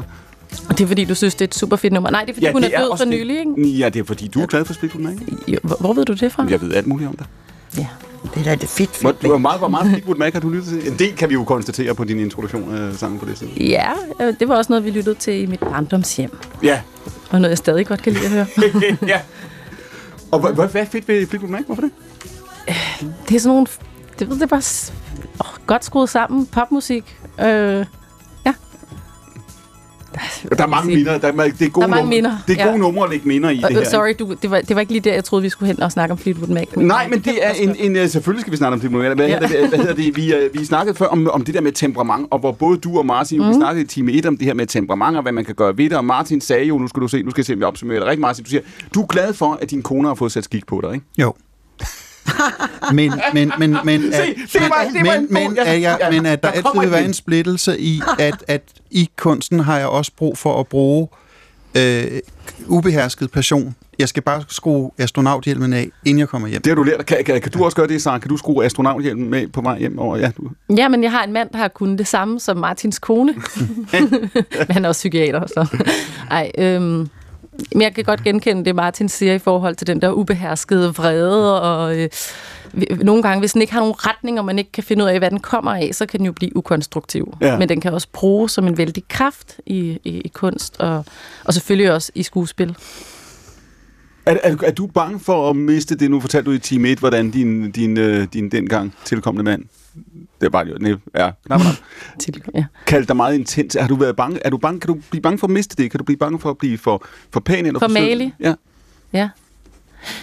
Ja, altså, men jeg vil sige, at øh, jeg tror også, at hvis den falder, altså den kan også, jeg kan føle mig mere grounded nu, end jeg kunne, da jeg var måske i 20'erne, hvor mm. at, øh, at, at jeg ikke altid, jeg kunne bare mærke, at jeg havde en enorm vrede, øhm, som kunne komme til udtryk omkring alle mulige ting, eller politiske ting, eller øh, det her øh, feminist, feministiske ting og så videre. Det kan jeg selvfølgelig stadig, men jeg kan mærke sådan, at den, jeg har fundet en, en anden ro, som måske også gør, at jeg kan bruge den lidt mere sådan konstruktivt. Og det stykke, siger du, I, I, går og øver på nu og premiere om lidt, det handler i virkeligheden også lidt om den der med Det handler også om vrede. Ja, men vrede, synes jeg, tit er en følelse, der i virkeligheden dækker over noget andet. Og det er det, jeg synes, der er interessant ved vrede. Og og fortæl, det, hvem, du spiller jeg, fortalte du i time 1. Hvem er, hvem er, hvem er det?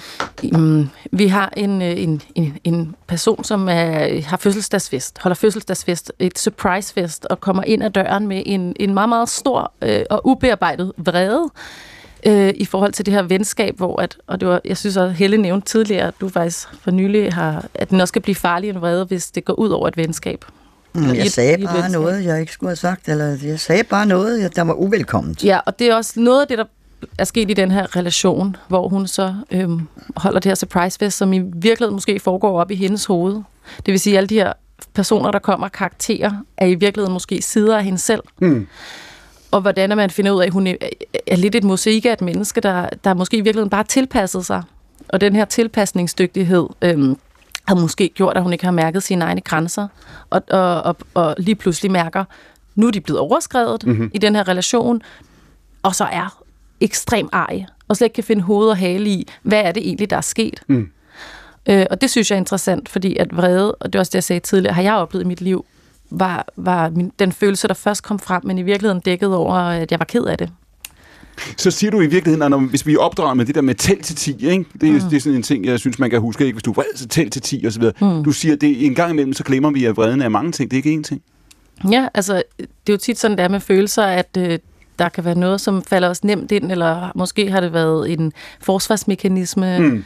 en måde, vi har lært at navigere på. Og, øh, og, og det synes jeg er interessant, fordi vrede ligesom på den måde også er sådan en følelse, som de fleste følelser er, der kan, der kan er bevægelig og kan omforme sig i og med, at man måske når en erkendelse.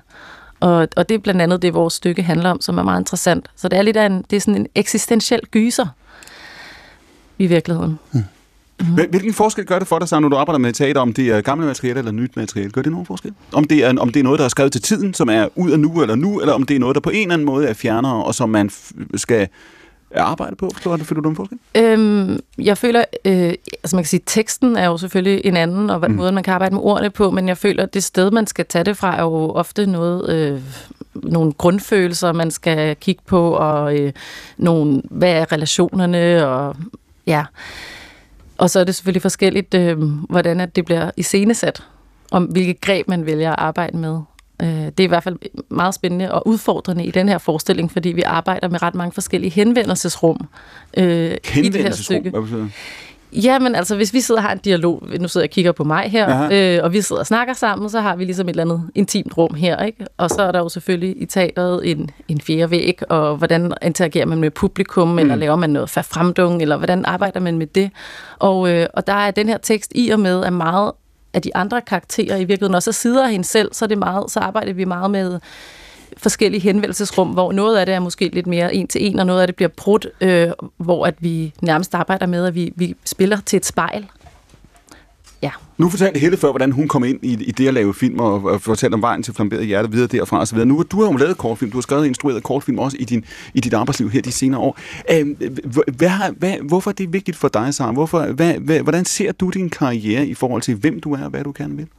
Ja, altså så instruktør er jo en lidt nyere hat, jeg har taget på, og jeg skal stadig lige føle, øh, nogle gange skal jeg, sådan, skal jeg lige gøre mig fortjent til den, men det er jo enormt svært faktisk. Nu fortalte Helle før om, hvordan at, jamen, man fik bare støtte, og så fik jeg lov Ja, til at ja, lave ja, den ja, film ja, ja, ja. Så skulle jeg ho, bare ho. lave den, og der var ikke nogen, der blandede Nej, sig. nej, du har ikke forstået det. Man fik Nej. ikke bare støtte. Nej. Hvis man fik støtte, Hvis man fik støtte. så var det ikke så kompliceret, Nej. som det er blevet med 47 konsulenter, og det skal komme fra 45 tv-stationer og alt muligt. Altså det, jeg måske oplever, undskyld Helle, det, det var ikke, fordi jeg ikke...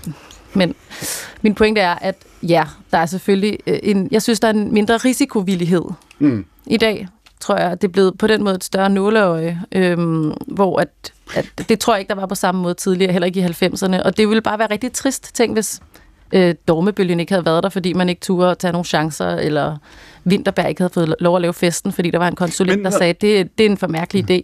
Men når, når du drømmer, når du planlægger, øh, Sara, tænker over din karriere, og, og, fordi det har du gjort hele vejen. Altså, for, jeg kan huske, for første gang jeg er i Syvret, har du været enormt reflekteret over, hvad du lavede, hvor du gerne ville hen, hvor du var på vej hen, og hvad det skulle betyde for dig. Nu siger du det der med at tage instruktørhatten på. Vil du gerne den retning? Vil du gerne det? Det vil jeg også, ja. Og jeg synes, det er svært det der med, at jeg tit føler, at man skal sættes i boks. Vil du, vil du det? Vil du så Mm. ikke det andet? Jeg vil begge dele. Jeg er skuespiller i hjertet. Det vil jeg altid være. Det er også mit håndværk. Det er, der min, det, det er meget det, jeg tager fra. Og så er jeg i gang med at tillære mig en masse nye ting som instruktør. Og som jo er en mere sådan skabende rolle, som jeg også befinder mig rigtig godt i, og som jeg også elsker. Men de to ting håber jeg kan supplere hinanden, så jeg får et endnu rigere arbejdsliv.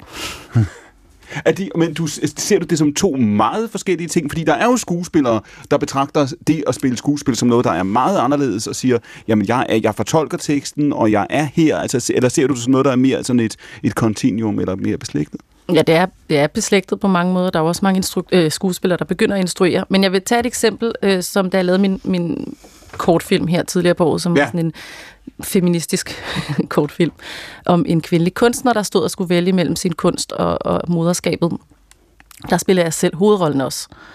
Og, og det var enormt udfordrende, fordi som instruktør skal du ligesom have det store forkromede overblik, øhm, og du skal forholde dig til rigtig mange ting.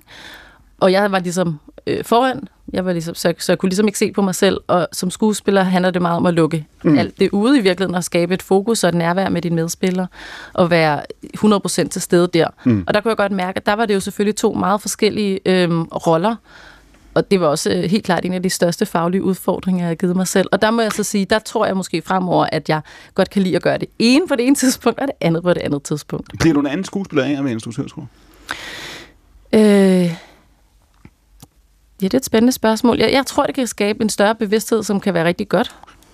Mm, Og mere empati for instruktør. helt klart. Martin Bigum, hvad handler hovedværk om? Det er faktisk meget interessant i forhold til, hvad vi har talt om i dag. Mhm. Øhm, den handler om en 70-årig kunstner, Wilhelm Riels, som ser tilbage på sin ungdom i København i sen-60'erne, mi- midt til sentræsserne, hvor han er en grænseoverskridende, vild øh, kunstner, som øh, laver øh, nogle, noget kunst, som er øh, ja, som går hen og bliver legendarisk.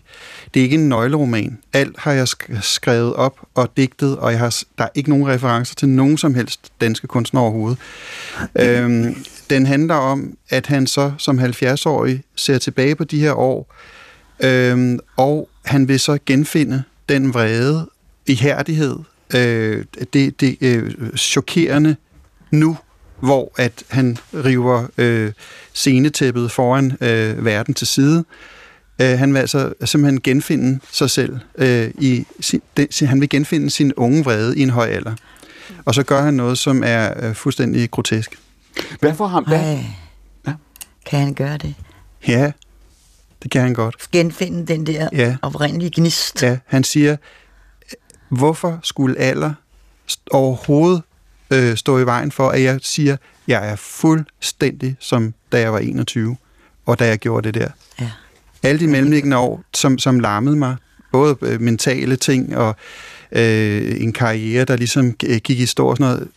Lige nu, der ved jeg, at nu kan jeg genfinde grebet igen. Nej. Men det har al- meget alvorlige konsekvenser, og det han gør, jeg kan jo ikke sidde og plotspoile, men Nej, det han nej. gør, vi håber jeg aldrig nogensinde sker i kunsten. Hvor, hvor, For hvor. Bliver Men en- det, der, men det, der er sket i kunsten de sidste 8-9 år, kan godt få mig til at frygte, om det kommer til at faktisk at ske. Nej, den vil jeg Åh, læse. ej, det er noget af en, en cliffhanger, du laver. Hvor, Nu har du, øh, nu skal vi læse en bog. Ja, you got me convinced. Nu har vi en bog her. hvor, Hovedværk. hvor kom ideen fra, øh, Martin? Ja. Jeg, øh, øh, øh, jeg fik et billede ind i hovedet, og det var, at jeg så en ung mand, der stod... Øh, nej, altså jeg så en lang allé af rulletrapper. Ja. Øh, fordi sagen er, at han bryder igennem ved at gøre nogle ting ved sin kunst, som jeg ikke vil nævne her, men fra 1971 og frem laver han så øh, en til en øh, fuldstændig nøjagtige gengivelser af rulletrapper. Ja. Hver især med deres egen lille øh, detalje. Øh, en øh, har et, øh, trin, der klapper, mens at øh, øh, øh, det trinene kører. En anden har øh, øh, rygende øh, trin. En anden har, at der er lyden af et, det lyder som om, der er et menneske, der banker på indeni. Øh, og gennem hele gang, vejen gennem 70'erne og 80'erne og 90'erne øh, laver han så de her rulletrappeværker. Og så tænker jeg, hvad er det for en tidsmaskine, du kan tage på her? Mm. Lagde du mærke til, at jeg brugte brug, Ja, brug, ja. en tidsmaskine? Ja, jeg forstår ja, godt. ja, det er jo ligesom et lille klue, ikke? Jo. Hvor vil du gerne hen, og, Martin? og, og, hvor er, og ja, og hvad, hvad hedder det? Så, så du får et billede, det starter med et visuelt billede i dit hoved, er det rigtigt forstået? Ja, Alene men, men, er det, men det der faktisk er, det er, og det er det, der jeg synes, der er så spændende i forhold til, at vi snakker om i dag, det er, at, at som, som, som ung kunstner, der har, jeg har min debut, øh, det er da jeg er 23, når jeg så tilbage på øh, Blomsterbørns generation, så kunne jeg se, at der havde været to fløje. Der var dem, der ønskede øh, en, en ny, et nyt verdensbillede, en ny verdensomfattelse, at man ligesom vendte 360 grader. Mm. Øhm, og så var der dem, som blev dogmatiske, politiske. Øhm, og i, øh, i 80'erne oplevede jeg, at punken og New Wave og New Romantic var øh, en reaktion imod alt venstreorienteret dogmatik. Mm. Øh, man ville finde sit jeg, man ville finde ind til, det er derfor Michael Strunge øh, øh, skrev om det her, altså øh, man ville, man ville simpelthen ikke have nogen forpligtelser, man ville bare have visionen, man ville Mm. have lov til at have synene og Mm. ens krop i eksistensen og alle de her ting, der blev Mm. skrevet om. Øh, og øh, jeg, øh, jeg elskede i de år at læse Søren Ulrik Thomsens essays, hvor han jo klargjorde, at der netop var de der to spor gennem 70'erne, og de var jo også igennem 80'erne. Øh, så man kan sige, det som, det som vi... Øh, han er ikke en spor venlig kunstner, ham vi hører om her. Han, øh, han, øh, han har så mange lige i lasten, og det bliver også beskrevet i bogen. Vi er også helt nede i 1945, og Mm. øh, hans opvækst og sådan nogle ting. Er der en grund til, tænker du, Martin? Jeg tænker svaret er, er ja, at du på det tidspunkt, hvor du er i dit liv, og den tid, vi lever i nu, kan man sige, genbesøger den her periode, eller, eller, eller, eller, eller føler, at det her det er interessant, eller at det her giver et særligt ekko i den tid, vi lever i nu? Altså, den, den, øh, den handler simpelthen om en hvid hanelefants Mm. storhed og fald. Mm. Og det fald vil han ikke finde sig i. Øh, på trods af, af alt i livet har vist ham, at han øh, måske skulle lade sig øh, undersøge i stedet. Øh, neurosen har simpelthen overtaget. øhm, så, så, øh, så, så undervejs, mens jeg har skrevet jeg har skrevet på den i seks et halvt år, der har jeg oplevet mange ting i samtiden, som har overhalet den indenom, men hvor jeg også har tænkt, ej, hvor er det fantastisk. Det her er virkelig aktuelt. Mm. Der er også en masse om, at han kurer sin kones kunstneriske Mm. mm. øh, side, og hun siden han bryder fri. Der er også om, hvordan at, at, at faderen i barndomshjemmet ikke vil have, at moren maler, øh, og så videre. Der er mange planer i spil. Er han, er han din hovedperson her, den, den, den her han elefant? Er han den, du var blevet, hvis du ikke havde mødt din kone? Øh, sikkert et fantastisk spørgsmål. Nej, det er han ikke. Fordi det, jeg har altid... Det er det, der er så sært. Den vrede, som jeg har- er blevet bedt om, please, om jeg kunne beherske den, og jeg har gjort det, øh, den vrede var faktisk en vrede, som, som, som opstod, da jeg trådte ind i kunstverdenen som 23-årig, hvor jeg tænkte, det her, det er vel nok en fantastisk kunstverden. Det er det store, frie område. Vi løber alle sammen ud over stepperne, og vi kan gøre lige, hvad vi vil. Det, jeg oplevede, det var, at det var helt ekstremt mandsstyret. Det var mændenes hitliste, der dikterede kunsten. Det var en top 10. Øh, på de store fonde, der sad mænd, som, som ud, udgav, altså som gav penge til 10-15 øh, mandlige kunstnere, mm. og det var alt sammen meget skræmmende for en ung kunstner som mig. Jeg kan huske, at første gang jeg lærte øh, nogen inde på akademiet, og jeg, hvor jeg hørte, hvordan der blev snakket om de kvindelige kunstnere. Mm. Øhm, I de år, i starten af 90'erne, hvor jeg ligesom kommer frem, der var rigtig, rigtig mange unge kvindelige kunstnere, som lå sig klippe helt korthåret og ikke var feminin i deres tøj, fordi at det måtte man ikke være. Mm. De skulle ikke vise kvindelighed. Så kunne du slet ikke blive taget seriøst. Det vendte i 97-98 med Julie Nord, Katrine Erdebjerg, dem der, den fløj, der kom der. Hvor at maleriet også godt måtte være fortællende igen, og, og, og i vi gøre, ligesom med, med taler og, og sådan nogle ting. Har du hele vejen gennem din karriere tænkt på dig selv som en... Du beskriver den her branche, du beskriver et, et, et, altså som alle mulige øh, øh, øh, andre brancher, hvor man kender hinanden og, og ser hinanden. Nu spurgte jeg før Helle det der med, om man i, i, i hendes generation følte sig som en del af en generation. Føler du, at du er en del af en, en, en, en branche, eller, eller føler du, du står udenfor? Altså, jeg, jeg er jo både blevet kaldt outsider og engænger, og jeg kom jo ikke på akademiet, fordi det gik mig for godt ud i galleriverdenen. Så tænker jeg, så søger jeg ikke ind. Og det har så gjort, at øh, det har været en lang og bumpet vej. Til gengæld så har jeg opnået ufattelig meget andet, som dem inde på akademiet ikke har opnået sidenhen. Men jeg har altid været i tæt kontakt, eller ikke i tæt kontakt, jeg er på bekendtskabskontaktflade med, med, med andre generationsfælder, og hvor vi har det, hvor vi kan se nu, hvor vi har er så mange år øh, på afstand af det hele, øh, hvad vi ligesom, ligesom har høstet, og hvad det var godt, at man gjorde. Du siger det her med, i virkeligheden, at du begyndte bogen for 6,5 år siden, og så er der sket ting i, i mellemtiden, hvor du tænker, hov, bliver den overhalet, og i virkeligheden tænker, at den er kun mere øh, relevant. Har du haft mig den samme oplevelse med, med, med dit projekt her, med dine refleksioner omkring jeres Ærø-projekt, at det her også er noget, hvor du pludselig tænker, gud, altså blæser alle vinden i den her retning? Øhm, inden jeg satte mig ned for at skrive min bog, der havde jeg en blog i en del år, hvor jeg skrev om mange af de samme temaer, mm. øhm, og som øh, havde ret mange læsere, så jeg vidste godt, at, øh, at der i hvert fald var øh, en interesse for det, men det tog faktisk en del overtagelse fra min redaktør, Lise Rønne, som sad på Gyldendal, da hun kontaktede mig.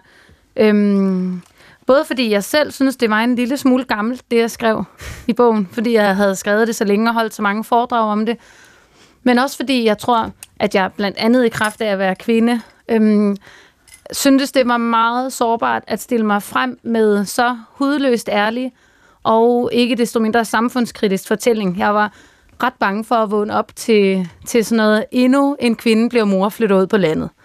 Overskrifter. Øhm, altså bare sådan at blive kørt helt ud til siden og negligeret. Og, øhm, og det føler jeg ikke er sket, men jeg synes nu, hvor jeg sidder med mit nye bogprojekt, så er ved at tage de spadeskridt ind i det, og kan se, at det bliver mindst lige så kritisk og mindst lige så hudløst ærligt, at, øh, at der er meget på spil. Du, du har jo sagt til os, at min næste bog må gerne snige sig ind på folk.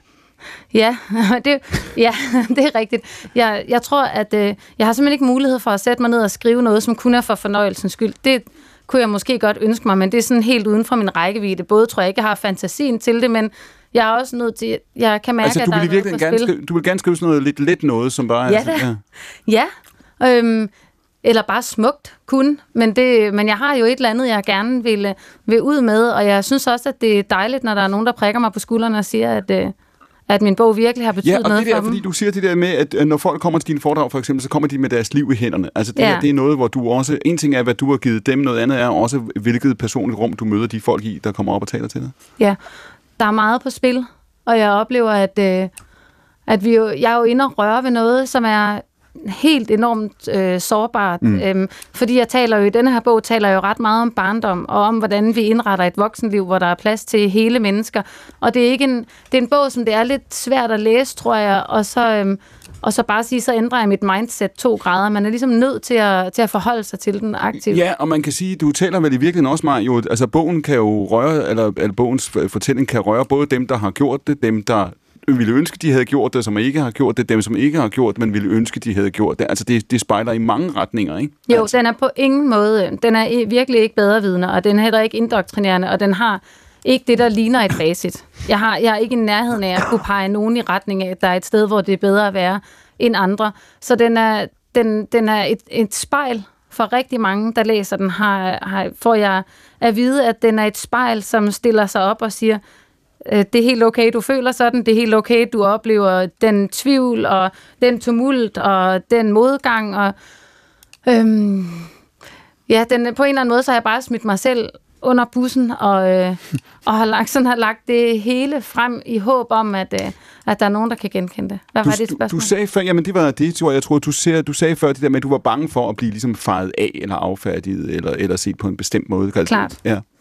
Overvandt du den forfængelighed, eller nej, gudste? nej. nej, og jeg vil sige, at det kan godt være, at det er en forfængelighed, men det er virkelig også sådan en, må jeg kun skrive en bog, hvis jeg har det aller, aller, aller vigtigste Mm. mm. på hjerte? Og er der noget andet end klima, der er vigtigt? Eller hvis jeg ikke kan skrive fra underklassen eller fra et andet udsat sted, må jeg gerne skrive. Det er en helt oprigtig øhm, overvejelse, jeg også havde, mens jeg skrev den første her. Fordi når jeg skriver en bog og sender den ud i verden, så kan jeg godt øh, have den oplevelse, at så tager jeg jo måske pladsen fra en anden bog.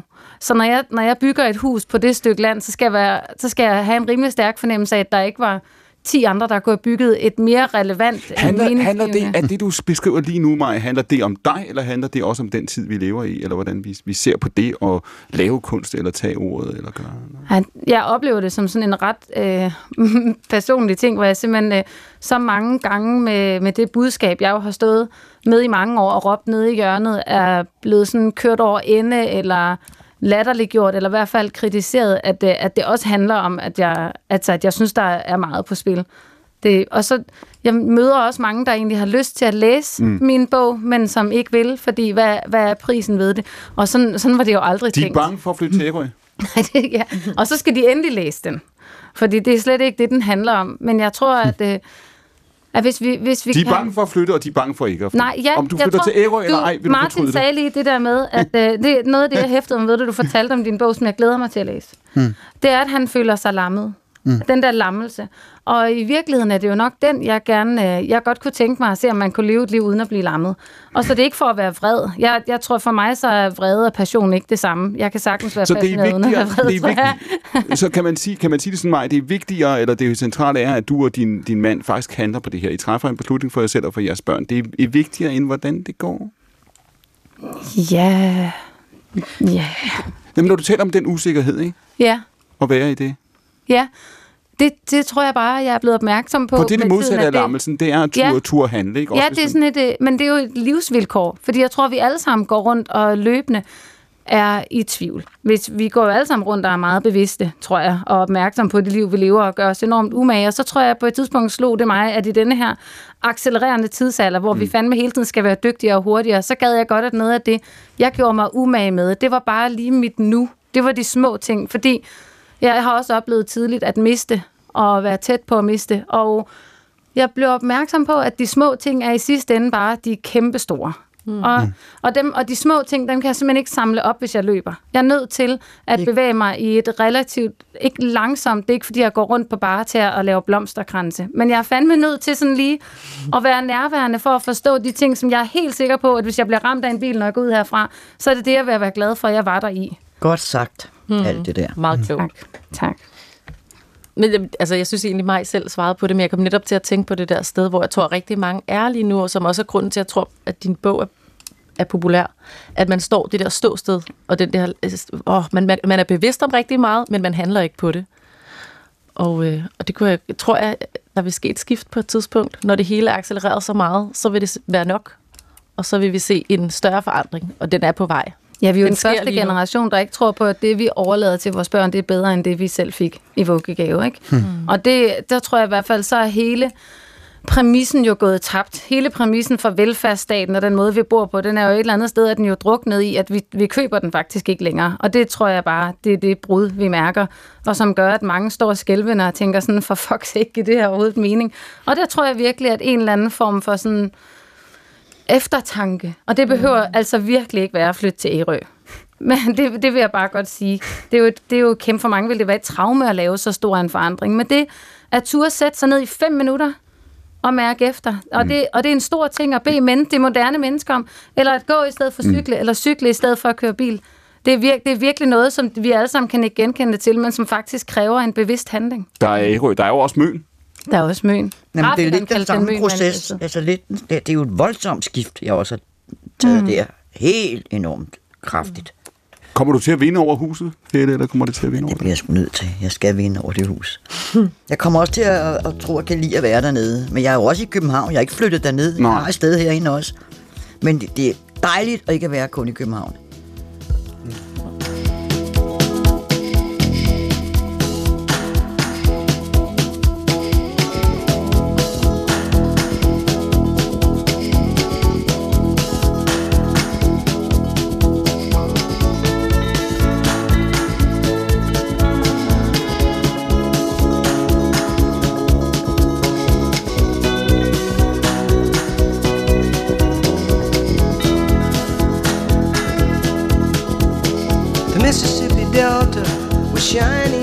National guitar. I am following the river down the highway through the cradle of the Civil War. I'm going to Graceland, Graceland, to Memphis, Tennessee. I'm going to Graceland.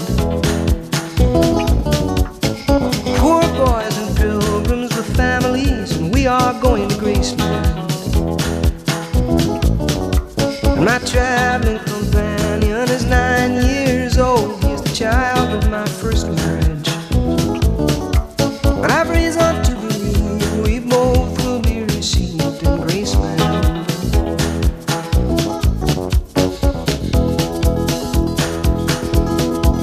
She comes back to tell me she's gone. As if I didn't know that, as if I didn't know my own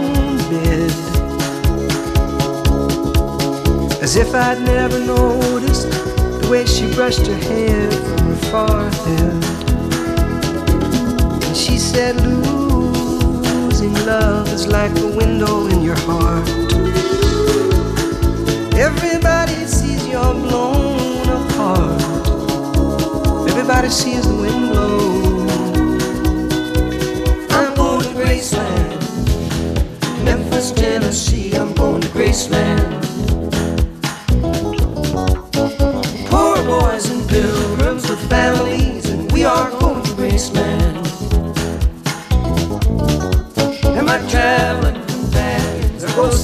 Sockets. I'm looking at ghosts and empties. But reason to believe we all will be received in Graceland.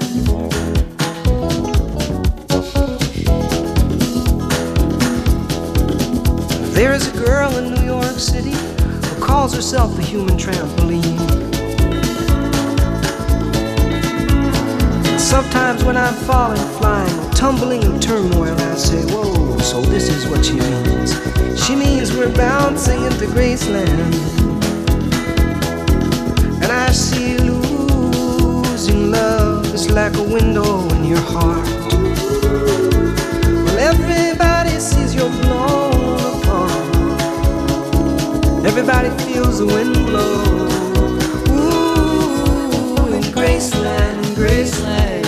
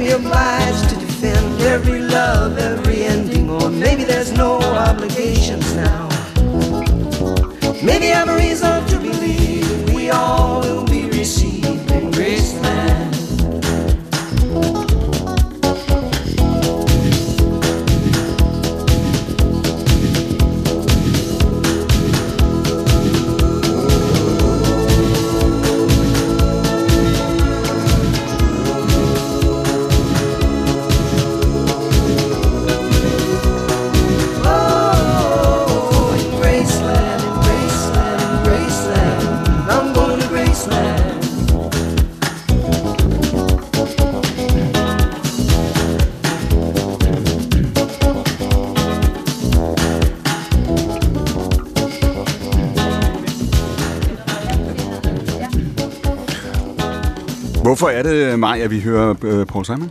Ej, men det var fordi, du skrev, hvad jeg lytter til, og så det, jeg lytter til, det er ikke radio eller det er ikke talkshow-egnet. Jeg hører meget, jeg hører faktisk rigtig meget klassisk musik, når jeg går rundt derhjemme. Øhm, og så Paul Simon, altså det er jo Fleetwood Mac om igen. ikke? Jo. Det er jo bare, det er barndom, og det er faktisk også for mig mit samliv med, med min mand gennem to årtier, at det er sådan noget, vi hører i køkkenet, når ungerne kommer hjem, og vi står og laver aftensmad, og det er noget, vi alle sammen kan, man kan spille brætspil til det. Og Det er, den, er, det er den, den ultimative øh, anbefaling, ikke? Det er det, der står på, Det på lyder pladen. virkelig godt. Du siger før, Helle, du har reflekteret, det er jo en af de ting, vi har snakket om før programmet her, det her med, hvad teknologien betyder, og hvordan teknologien forandres. Hvad Den andre, Hvad- forandret vores liv fuldstændig. Hvordan? Jeg kan huske, jeg er den eneste, der kan huske, det ikke var der. Mm. Nogle er jo Ej, jeg vokset kan op også det. jeg også. Ja. Jeg kan så mange år. Der ændrede alt. Folk sidder og begraver deres telefoner konstant. De er på deres maskiner hele tiden. Mm. Det er en kæmpe, kæmpe hjælp til alt muligt, men det er fandme også en forbandelse. Mm. Og de sociale medier, der fuldstændig æder folk op. Mm. Jeg, er, jeg har ikke noget med dem at gøre. Jeg har aldrig følt mig tiltrukket af det. Jeg ser, hvordan selfie, selfie, selfie. Mig, mig, mig. Kommer der, kommer der en dag, tror du så, Hjort, hvor vi kommer til at se tilbage på det her? Vi kommer til at se tilbage på, øh, på 10.000 inst- Instagram-billeder af, af de frokoster, vi spiste og, og tænkte... Nej, og det er jo det, vi ikke hvad- gør, nej. og det er den bevidsthed, vi skal have med. Altså, Ja. ja. jeg var til min søsters bryllup sidste weekend, og det glædede mig at se, at folk ikke tog telefonerne op ved talerne. Vi var til stede, vi lyttede, og det er jo det, vi husker. Øhm, og, og jeg lag- bemærkede i starten, da vi talte om, hvornår er man rigtig til stede, mm. og Helle nævnte, når hun broderede, så kom jeg til at tænke på, hvor meget jeg tegnede som barn. Det var det, jeg gjorde hele tiden. Tegnede, tegnede, tegnede, og kunne blive i det, og var 100% til stede i nuet. Ikke? Og, og, og det, det er jo det der med noget, noget hvad hedder det, taktil, eller Ja, noget, der ja, sådan er ja. sanseligt, Ja, ja. som, som jeg tror, vi lærer os igennem det. Og, og altså, vi har været sådan med min datter, ja, hun ser skærm øh, på fjernsynet, og det gør hun en gang imellem, og vi er ikke heldige på nogen måder, men hun har ikke fået lov at få sin egen iPad eller sådan noget, og på trods af, at bedsteforældre har spurgt sådan, skal hun ikke have det?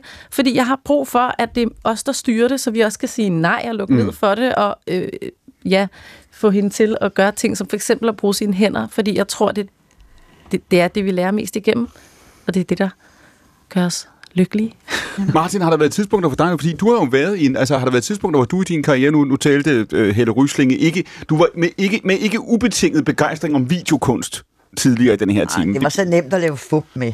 det var, har der været tidspunkter, Martin, hvor Eller du har tænkt, er der, er der været tidspunkter, Martin, hvor du har tænkt, hør her, det at stå med en blyant, eller det at stå og male, eller det at arbejde i det her, det, det er gammeldags, jeg må lave noget andet, jeg må med på vognen, jeg må, jeg må lave noget andet. Ja, der var en, en udtoning af kunsten lige inden murens fald, hvor man tænkte, hvad søren skal der ske? Mm. Og man sagde, at kunsten var død. Mm. Så inde i starten af 90'erne, efter murens fald, så kommer der alle de her nye øh, kunstneriske udtryksformer. Øhm, og der var øh, maleriet som, som traditionstynget udtryksmiddel, mm. det var virkelig, virkelig i fare. Og, øh, og jeg blev bare ved med at male, samtidig med at jeg også lavede installationer og videoer og, og øh, skulpturer og skrev digtsamlinger og så videre. Øh, fordi at jeg tænkte, jeg tager den nye tid på mig, jeg cykler fremad med den, mm. og når jeg kan se, at hov, det her kan ikke løses i et maleri, det skal der videokunst til. Når jeg ikke kan læse, løse det i videokunsten, så må jeg skrive det, og så videre.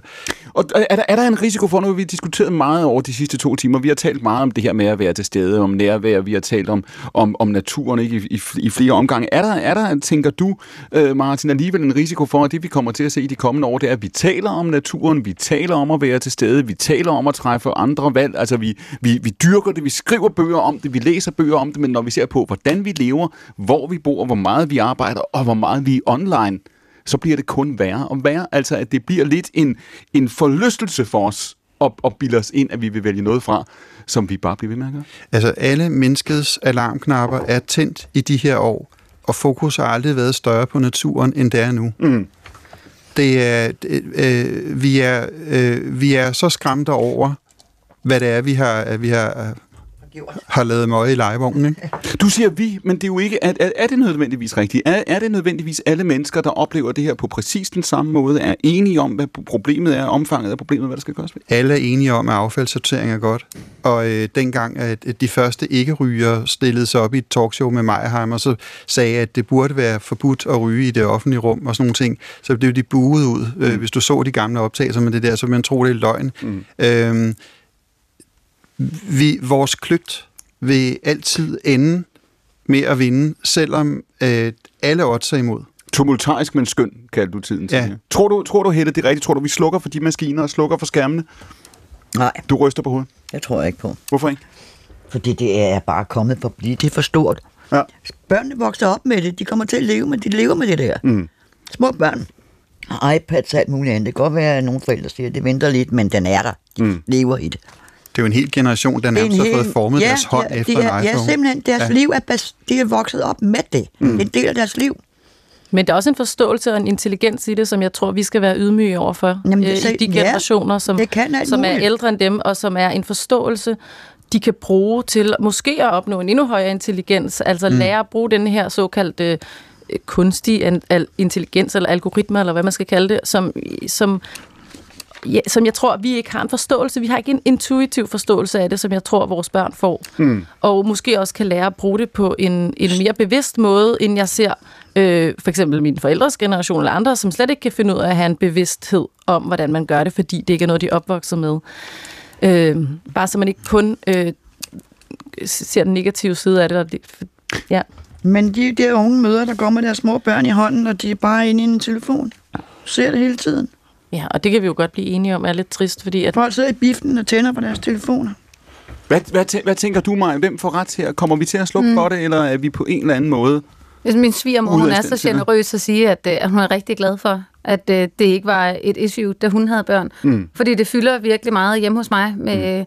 En 14-årig, to 11-årige og en 7-årig. Mm. Mm. Det er et, altså et dagligt tilbagevendende punkt, noget vi er nødt til at tale om, hvordan Mm. vi, vi er nødt til at tale om konsekvensen af, at øh, som det var for min ene 11-årige i går, inden jeg tog hjemmefra, at hun faktisk havde en dag, hvor hun ikke var på toppen. Hun var lidt syg og, og havde, var også lidt ked af det. Og så alligevel flere gange i løbet af morgenen forsvinder hun ud af fællesrummet for at stå og sende talebeskeder til sine mm-hmm. veninder, hvor hun i virkeligheden lyder glad. Altså det der med at være på over for andre, at man, at man ikke har et, øh, et safe space derhjemme, og det er jo noget, vi gør rigtig meget ud af hjemme mm. hos os, så det der var en undtagelse, men, men, men jeg føler, at jeg som forælder har et kæmpe ansvar, både i den ydmyghed og prøve at forstå, som du nævner, så at, øh, at prøve at forstå, hvad der, er, der foregår, og følge med, og så samtidig også at ikke stå tilbage en dag, og de kigger på mig og siger, hallo, hvorfor var der ingen, der støttede mm. mig? Det var en fuldstændig sindssyg verden, som var helt uprøvet, og I slap mig bare fri derinde. Mm. I børstede jo også, de sagde også, at jeg skulle børste tænder, selvom jeg ikke havde lyst. Og det synes mm. jeg, det er den balance, vi står med hver dag derhjemme, hvor mm. der er et eller andet, som jeg tror, det er svært at finde sammenligning med. Jeg oplever ikke, at det er det samme, som dengang vi alle sammen ikke kunne lægge tegneserien eller bøgerne fra os. Det er Mm. simpelthen så dopaminfremkaldende, at selv når min meget, meget intelligente 11-årige dreng, han har besluttet sig for, at han vil ikke at læse en bog, Mm. så, så skal jeg arbejde med ham, for at han ikke hver femte minut går op og tjekker et eller andet. Og så, På- så, siger du, sådan var det ikke at læse Anders Sandblad, alt andet lige. Det, ja, der er jo et eller andet, der er jo altid noget, der er mere spændende på den skærm, hvis man først er vant til det. Det siger mig, My Humay, den kvinde bag Ærø-manifestet, og en ny bog, som kommer når, hvornår? Maj? Jamen, skal vi sige til august næste år, så Og har den- jeg noget arbejde hen Den på. ja, lad os sige det. Den kommer til august. Det var en nyhed, og den kommer til at snige sig ind på os. Det håber jeg. Hvad, på hvad, alle. hvad betyder det? Mm, det, jeg egentlig gerne vil, det er jo at inspirere til at turde leve et liv, der giver mening. Alright, og så har vi jo altså Martin Bigum lige om lidt romanaktuelt. Vi har nævnt det før, vi har hørt, øh, altså ikke hvordan den ender, men hvordan den starter hovedværket af bogen, som ja. kommer lige om snart. 12. oktober. 12. oktober, og Sara, hvornår er der premiere hen? Det er der den 7. sep- september, og jeg glæder mig til at se hele Midtjylland, som bare valgfarter til Yes. Herning øh, og se os der. Det bliver fantastisk. Den fjerde og sidste gæst ved bordet er Helle Ryslinge, filminstruktør og skuespiller og så meget andet, og du har garanteret, Helle, du kommer til at vinde over det hus. Tak, I kom. Det blev det sidste ord. Det, det var, mine damer og herrer, søndagens stafetten. Producer og redaktør er Louise Rømert. Mit navn er Clemen Bæren Kærsgaard. Klokken er 14. Så er det nu, vi skal vise, at vi kan køre et rent, stramt, velsmurt fængsel. Alting er fucked herinde. Ny dramaserie. Det er så provokerende. Det er ikke os, der bestemmer og styrer herinde. Der er masser af snak om en kampagne. En nul-tolerance. Ja, de vil have, vi kører hårdt på de næste tre måneder. Hvis I laver ballader, så får I også ballader. Kriminalforsorgen kommer til at sende to konsulenter ud fra sikkerhedsafdelingen. Jeg ved slet ikke, hvad for en slags betjent du egentlig er. Om du er en af os. Sådan rigtig en af os. Det bliver visiteringer, konfiskeringer, nul tolerance. Huset med Sofie Gråbøl og David Densik. Du glor med røven og beder mig om at hoste. Der er mig, vi er ikke venner med. Fredag på DRTV og søndag kl. 20 på DR1.